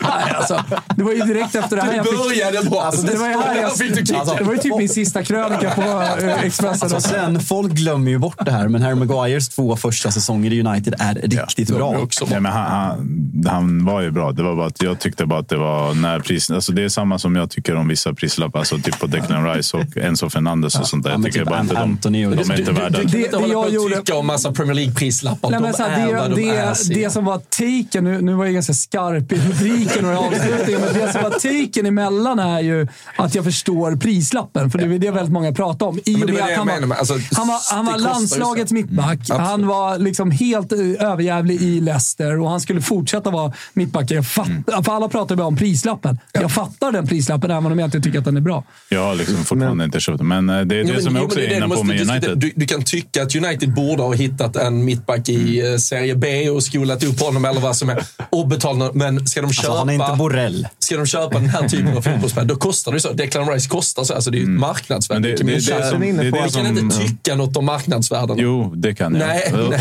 och, det, och, och det som... Nej, och du kan som, tycka då att de måste köpa helt andra spelare, men du kan Nej. inte tycka att de inte borde betala det för den spelaren. Du Nej, kan men inte få den spelaren. jag, jag, jag tycker, nej, jag tycker, jag, tycker, jag tycker att det är för mycket. Alltså, jag, tycker att City, jag tycker att City gör rätt det som drar sig ur Declan Rice, för de säger att den här spelar inte värd den pengen. City har gjort det bra. Alltså de, Så- de får ju mycket skit för att de har förstört fotbollen, vilket man är en annan diskussion. Men just att de har dragit drar sig ur. ur. De har Alltså- dragit sig ut Alexis Sanchez, de har dragit sig ur Harry Maguire, de har dragit sig ur... Eller, Vi landar i diskussionen att Manchester City gör något bra för Ja. fotboll. De gör ju det, men, eh, de, de gör ju det eh, enkelt. Men Mm. det som jag kommer till, det som stör mig sen då, det är så här, det som har hänt på grund av den här jävla diskussionen när alla ni är helt okej med att spelare kostar en miljard. Det är att när de värvar Soboslaj för 80 miljoner euro är alla så här, åh, fan vad bra han är! Helt otroligt att vi har värvat en spelare från utanför ligan som faktiskt kan prestera. Wow! Höjlund, han var inte bara bäst i Serie A. Han kan faktiskt prestera i Premier League. Där är vi starka. Han har inte Vad presterat i Premier League, alltså. ska vi vara tydliga med. Ärligt talat, det är klart. Alltså det, det är det här som er jävla diskussion när ni har accepterat att varje sopa kostar minst 600 miljoner har fött i att så, här, så fort det kommer någon utifrån som inte kostar lika mycket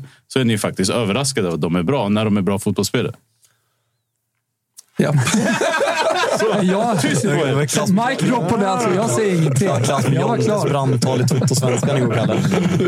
Men Nu eh, ser jag förbannad på oss. cha- chatten är inne på att det är att eh, Maguire spelar i ett system som inte passar honom. Men så är det ju.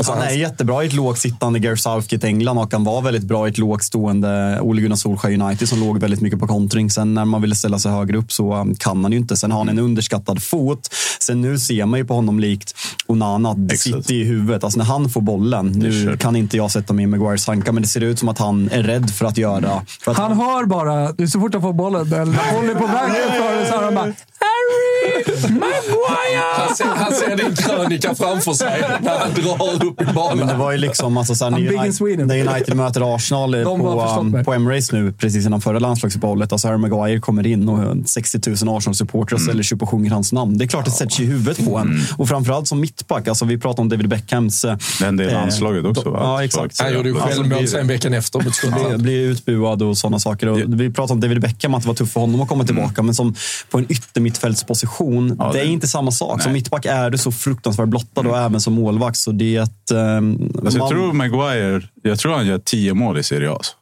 är så jävla bra på huvudet. Jag, jag, jag, jag tror han gör 50-10. Alltså jag tror så här, du, hörnor, han, han dyker bara upp. Pang. Alltså han, han måste bara... Men han hade varit jättebra i Italien. Jag tror han, Alltså- måste, bara, han måste bara lära sig att så här, det här kan inte vara mitt liv. Jag måste hitta kärlek. Och så går han till något ställe i Italien där han bara får äta bra mat, få lite sol, lite kärlek. Kom lilla matdissen in också. Alltså, Maguire har väl aldrig ätit god mat Ska. Maguire gå till Fiorentina? Ska vi bara sluta cirkeln efter krönikan? Att Harry Maguire landar... Vi hade Michael Richard eh, hos oss.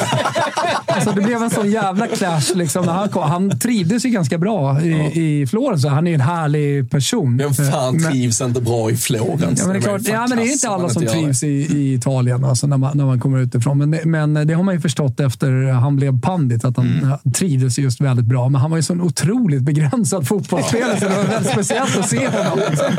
Så här fel inkast och grejer. Liksom, vad fan är det som händer? Men jag tyckte mycket om honom ändå. liksom. Men det är synd att Maguire inte gick. Alltså det har väl ni sagt en miljard gånger säkert. Men jag tycker verkligen han, han förtjänar en revansch. Alltså han förtjänar att komma till ett folk. Alltså Newcastle, det har varit perfekt Ja, där med det var ju, Burn det var ju West Ham nu. Alltså, jag Ja. tror att han hade varit jättebra i West Ham. Jag tror även om det hade blivit. Manchester City den sommaren när han väljer United. Jag tror han hade varit otrolig. Men vem är nästa som kommer gå sönder i United? Alltså jag tror inte Höjlund. Jag tror det är Rashford alltså. Alltså vad tänker du som fansen kommer knäcka? Ja, Typ. Ja, men det är Rashford. Alltså, Man märker alltså, att Rash- ni är nära Alltså, att dra var- tillbaka det- Sir Marcus-titeln. Nej, det var, det var ju nära. Dr. Sir Marcus Rashford, member of the British Empire. Nej, men det var ju nära. Så jag vill skjuta oss själv i huvudet. ja herregud. Förutom Sir så det är hans riktiga namn. Dr. Marcus Rashford, member of the British Empire. Så fick jag det sagt. Nej, men alltså, för två säsonger sedan var det ju många som tröttnade alltså på Marcus Rashford. Att han, ja, men det var mycket snack om den här kritiken mot att fokus, sluta fokusera på att hjälpa, hjälpa barn och få mat. Prestera på fotbollsplan istället. Och det är liksom, det är en, Det är en raljant eh, take på det. jag sa men- inte vad jag tyckte. Nej. Jag sa vad, alltså hur, Ja, liksom, hur just snacket det. gick på sociala medier. Det var jättefint han gjorde och eh, det är därför han är member of the British Empire. Robin. Exakt. Fick jag det sagt igen.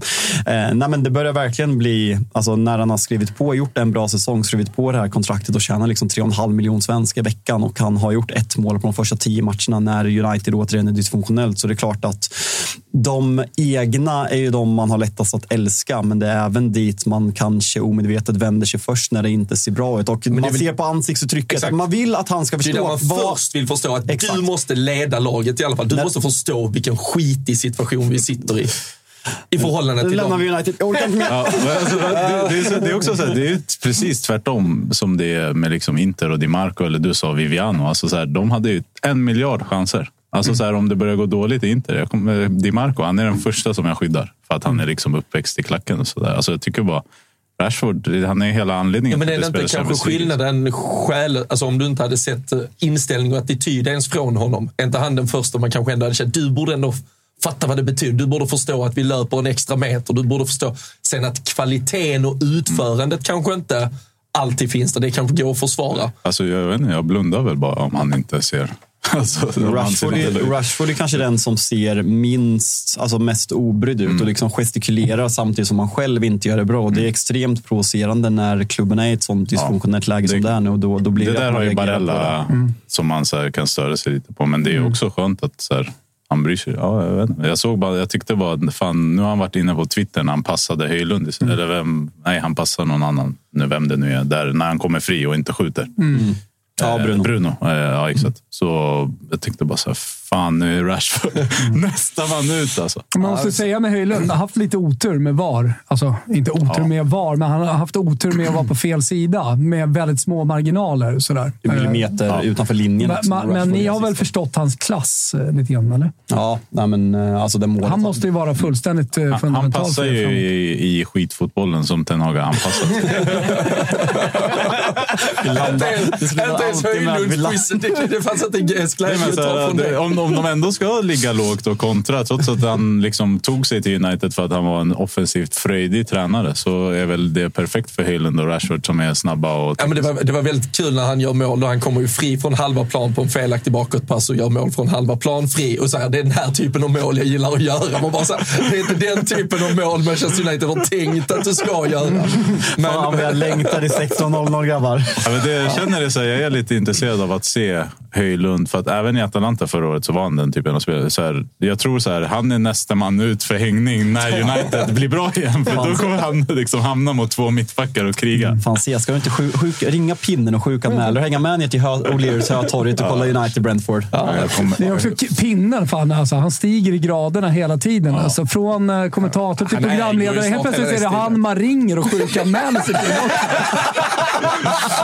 Högsta höns på TV4 snart. han är ensam kvar snart.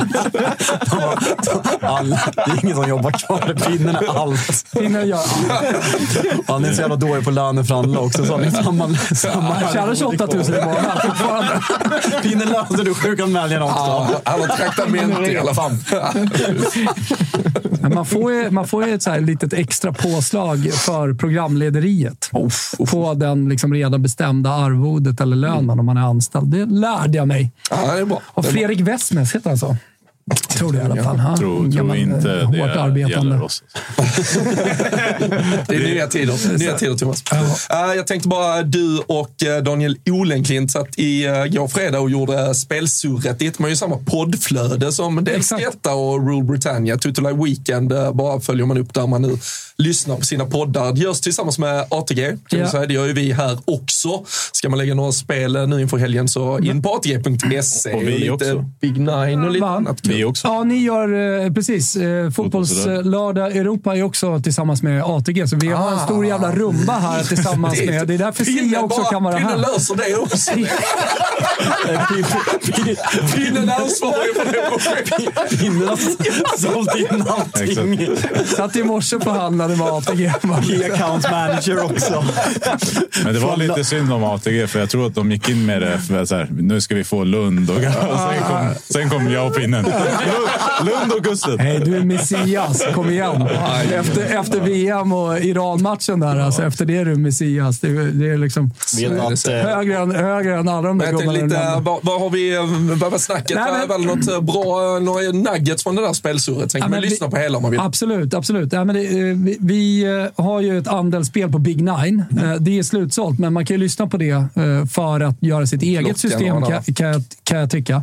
Eh, Däremot eh, kan man gå in på atg.se slash tutto. Där vi dels en trippel då från eh, Toto-svenskan som de har gjort eh, och sen eh, så har vi, eller jag knoppat upp en trippel efter det vi har pratat om. Han tror ju väldigt mycket på Liverpool i helgen. Han tycker det ser bra ut. Jag minns att Olen Klint Mm. Ja, är liksom väldigt exalterad över tridenten. Att han tycker Mm. att de verkligen har fått, fått igång det. Sen tror han väldigt mycket på Fulham och han, han tycker verkligen Sheffield United, inte bara på grund av 8-0-förlusten, men han tycker verkligen de är dåliga. Eh, och tror- en tror poäng i ligan eh, Ja. skvallrar om att eh, han är något på spår. Ja, men han sa till och med att Luton var klasser bättre eller någonting sånt där. Ja. Alltså att det, ja.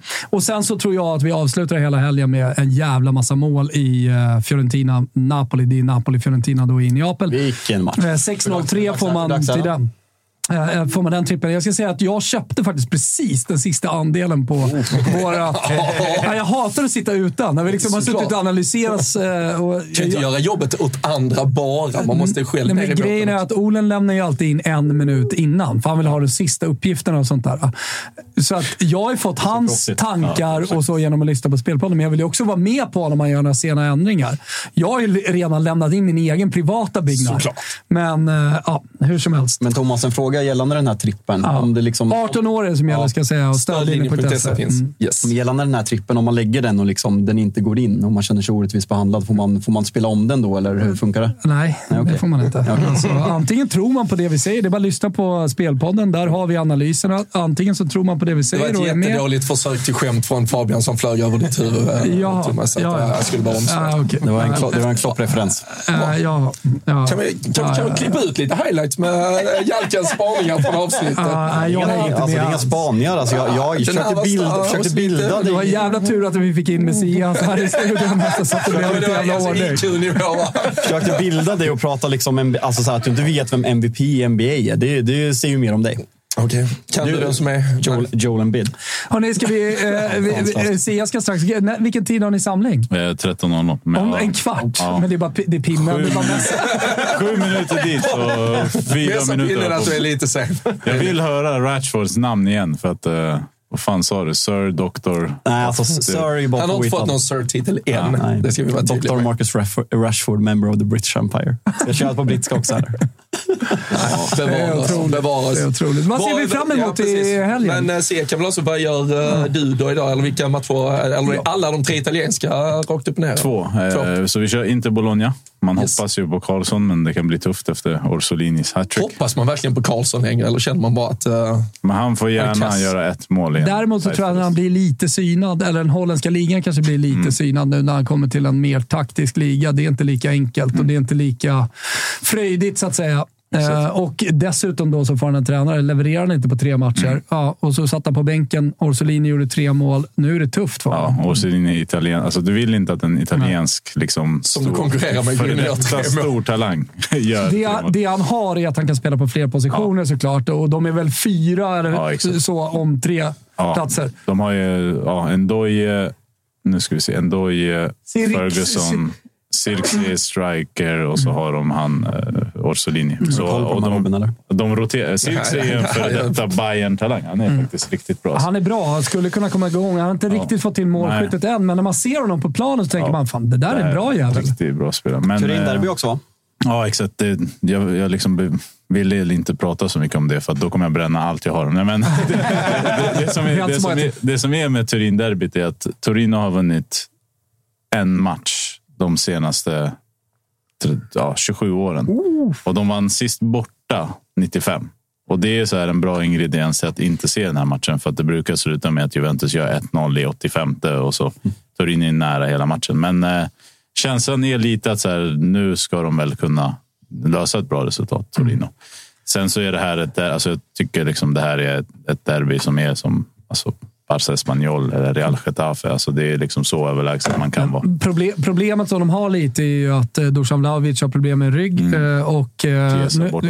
K- Chiesa också då med, med, med lår. Så det, det, Mm. ja, det, det, det, de har ju visat sig, dels hela förra säsongen, Mm. men framförallt då som, eh, ja, men som jag tycker är inledningen på den här säsongen, när de har spelat ett helt annat Juventus. Och det är inte Juventus som fick ett, ett gäng antal år sedan som har en massa ersättare som bara kan liksom komma in. Mm. Det är Milik Utan det- och Keane Ja, men och Keane har också varit skadad, så han har inte heller kunnat spela. Så det, det, det, snackas ju om att de ska ge den här unga Gildis chansen. Eh, intressant spelare. Mm. han fick ju klippa sig. Ja, exakt. Han, han kom ju med långt hår. Det är höll som går tillbaka till Ja, ja, ja. 80-talet. Det har ju Glenn Strömberg pratat om också. Eh, Att eh, Juventus var intresserade av honom när han var väldigt bra i han Atalanta, men då skulle han få klippa sig om han skulle komma.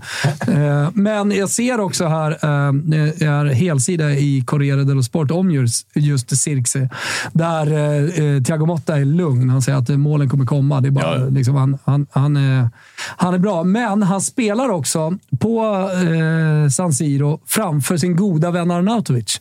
Så de är tydligen eh, polare, Mm. Circe och Arnautovic. Ja, de, alltså. Circe ersatte ju Arnautovic Ja. och det var inte superbra stämning där, men att de är vänner är ju bra. Sen är Arnautovic skadad idag. Det som är kul är väl att Thiago Motta är liksom trippelhjälte. Så varje gång han kommer till San Siro så frågar de honom så här, ska du till Inter i framtiden då? Jag tror verkligen att om inte Simone Inzaghi hade fått utväxling i april förra året, löst Champions League och gått till final, då hade nog Thiago Motta kunnat stå på Interbänken för att han är den Ja, men typen han av pratas namn. väl mycket om som det, Ja, den han och, näste. Han och Xabi Alonso, va? Är väl de där. Carrick. Ty tycker också att det är intressant att eh, Inter, trots att de spelar Champions League i veckan, Mm. ställer upp med bästa laget. Det är Mkhitaryan, Chalanoglu, Barella, det är Dumfries, det är Di Marco, det är Lautaro Martinez, är på topp. så att de bombar- Exakt, Så är måste- bara man ur allt. Så måste man bränna ur allt. Nej, men det, det Skickar tycker man in bra. några sjuka anmälningar sen på måndag. Det tycker jag är bra. Inte ett starkt lag, men eh, det där tror jag kommer bli en bra match. Jag tycker så att Jesper Karlsson, han har, han har det här skottet som eh, han kan dra från ingenstans. Och just mot Inter på San Siro eller något som passar. Du ser liksom Berardi i den typen av så här En doj, dålig match. Jesper Karlsson in i 60 minuten. Bam. 5-1 Inter. Inte. Han gör det viktiga 5-1 målet och Ska inte underskattas. Nej. Nej, det är det vi har. Sen har vi Real också samtidigt som vi kommer hålla ögonen på. Jag är lite mer sugen på Genoa-Milan ikväll. Så jag tror att den kan bli fin. För att Genoa har tagit poäng av eh, Lazio, Napoli, Roma. Ehm, Så. Ett, ett problem i Genoa bara att Retegi skulle kunna vara eh, out i matchen, för han har någon skada som han dras med. Eh, Mm, Men de har ju den här superislänningen, Gudmundsson, Ah, som är, men som vad, är, vad är det för gubbe? Alltså? han är hur bra som helst. Alltså, ja. Ja, men, jag Var- såg var- att var eh, Mimo? Crescito var ute och liksom hyllade honom på sina sociala medier. Och, ah, nej, han har varit helt otrolig i Genoa. Blir man hyllad på Crescitos sociala medier, då har man, har han man är- lyckats. Han är, han är liten, teknisk, snabb. Gör assist, gör mål, gör dribbling. Han är, han är faktiskt... Alltså, Han är liksom från Pontus. Almqvist Men har han, eh, har han varit, 2.0. han studsat någonstans eller kom han direkt från liksom Island? Eller fan, eh. Det verkar som att man spelar med Junior Messias eh, istället för Ret- Retegi. Eh, Och så med Gudmundsson bredvid. Exet, det gillar man ju alltid. Va? Att Junior Messias möter Milan, det är, Exakt. det är upplagt exakt. för lite... Och det blir liksom hela cirkeln runt. Det blir liksom, först var han ju i Genoa Ja. Och sen så var han i Milan och nu är han tillbaka i Genoa. Så han är liksom ex överallt på något Och det sätt. sjuka är väl bara att han var i Milan överhuvudtaget. Han har varit och knullat runt helt enkelt i de här... eh, för att, ja, det, men jag Gudmundsson tror att det, var i Genoa förra året. Men det är inget liksom, dåligt eh, lag de har, PSV. Genoa alltså. Nej, de- har Malinowski. Torsby. Ja, han är Gudmundsson. fostrad i PSV alltså. och Okej. spelat i AZ. Gick till Genoa i Serie B, gjorde en bra säsong där och sen nu är det bra. Gilardino sa i alla fall att han kan inte sova på kvällen på grund av att Retegi eventuellt inte skulle spela den här matchen. Lite för nojig kan jag tycka. Alltså, Nu måste jag dra, annars blir jag får jag fan sparken av Ja, pinnen. ja, vi ta. Stort tack Sia. Vi ska hälsa, avsluta hälsa här. pinnen och allihopa. Hälsa chatten. Ta hand med, det gör vi. Ja, klass eh, klass eh, inhopp här i studion. Vi ses Det gör vi. Vi. framåt. Eh, Stort tack eh, Sia. Med, Sia och bara kommer in och levererar. Florens, du kan sitta där på kanten för nu ska vi faktiskt kolla på ditt Ruggig första leverans. mål genom alla tider. Och det kommer alltid vara ditt första mål någonsin, eller hur Kalle? Mm, så är det. Ni, ni kan se på den stora skärmen där. Eh, och så, här kommer alltså Florens första mål någonsin. Det är alltså tre mot tre med sarg. Ja, ni hör att jag är aktiv där. Fan vad pinsamt. Vad, spelar, vad, vad kör ni för formation? Ja, det är alla på boll. Ja.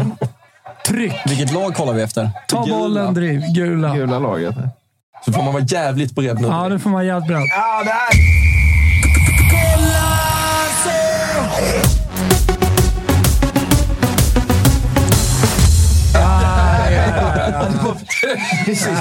Var, var, var får gå tillbaka och rulla reprisen? Ja, det var ingen offside. Det var ingen offside. Stort. Hur, hur var det att göra du mål då, Florens? Kan du prata i micken och berätta hur det kändes att göra mål? Var det kul? Ja. Var det kul att spela fotboll? Jag vet inte. Du vet inte. Du vet väl om det var roligt eller inte? Ska du ha en hurring eller? Ja. Jag vet inte. Tala i skägget. Det blir ingen poddare om du inte pratar i micken. Ja, okej. Hur bra som- Ja. finns poddar som låter så. Man bara sitter och fnissar och har det gött. Liksom. Stora poddar dessutom. Exakt. De får i alla fall betyg från chatten. Bättre än Haaland. Både intervjuteknik och eh, på plan. Så Ja, ja, men det är bra. Det är bra. Hyllningar. Måste följa upp, vi, ja, men vi pratade ju om uh, upcoming tränaren. Jag pratade Michael Carrick som låg sist i Championship. Eh, fyra raka.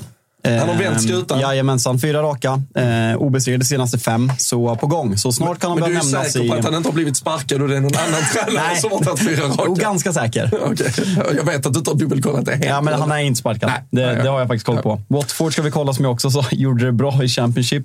De, eh, Eh, de- Parkerar nu på 21 plats. Och de basunerar ju ut att de förlängde med den tränaren som Ja, de har jag nu. såg. Jättesjukt eh, move från Watford att förlänga med en tränare när eh, de helst bara Vad ser sparkar ni alla. mest fram emot?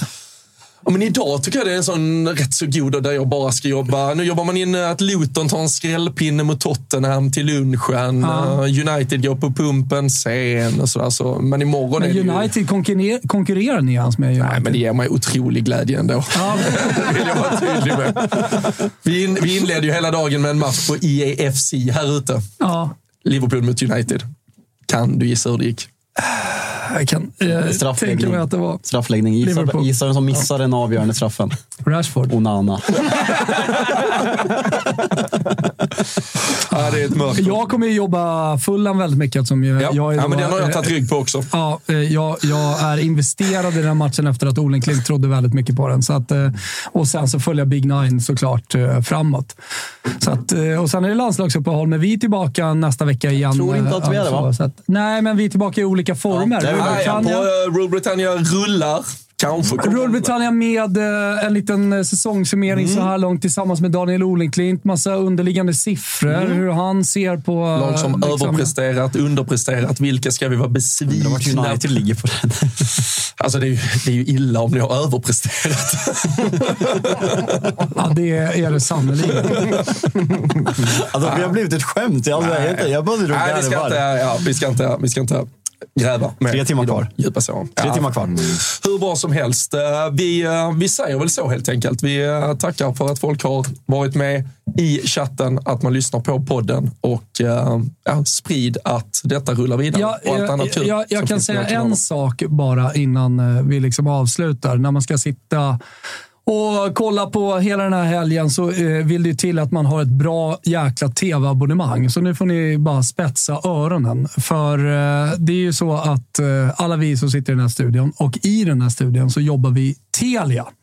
Och eh, det är lite viktigt. Eh, varför är det viktigt? Jo, för att man samlar alla favoritsporter på ett och samma ställe. Det är alltså Premier League, det är Champions League. Gillar man SHL, det är SHL idag också, ja, men då får man det. Man får eh, slutspurten i allsvenskan. Alltså man, man samlar alla eh, då sporter, favoritsporter på ett ställe. För 649 kronor i månaden så får man även tillgång till film och serieutbudet. Och eh, då pratar vi inte bara Telias utan även Viaplay, TV4 Play, HBO Max och så utan extra kostnad. Så passa på att samla sporten smartare på ett och samma ställe. Det är Telia, 649 kronor. Man sparar 500 spänn.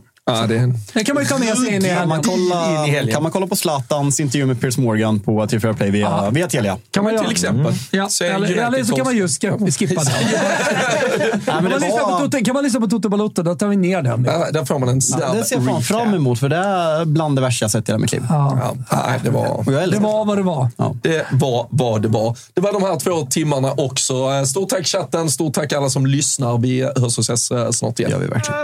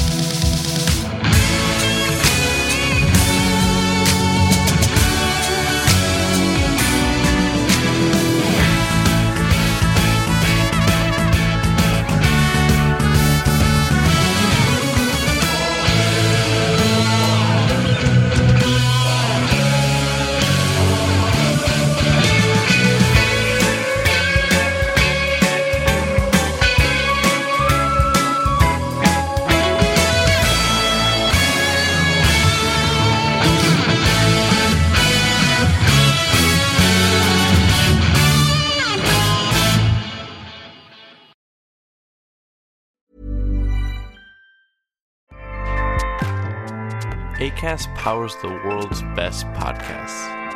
Here's a show that we recommend. The Real Housewives is a guilty pleasure for most, but if you're looking to not feel guilty about that pleasure, tune in to Everything Iconic with me, Danny Pellegrino, where I break down all the messy moments and behind the scenes antics of Bravo's popular franchise. And on Everything Iconic, I also interview celebrity guests like Kelly Ripa, Kiki Palmer, Drew Barrymore, Cameron Diaz, and more about their guilty pleasures, their past work, and so much more. So if you're pop culture obsessed and find yourself watching way too much reality TV like me, tune in to Everything Iconic with Danny Pellegrino wherever you listen to podcasts. ACAST helps creators launch, grow, and monetize their podcasts everywhere. ACAST.com.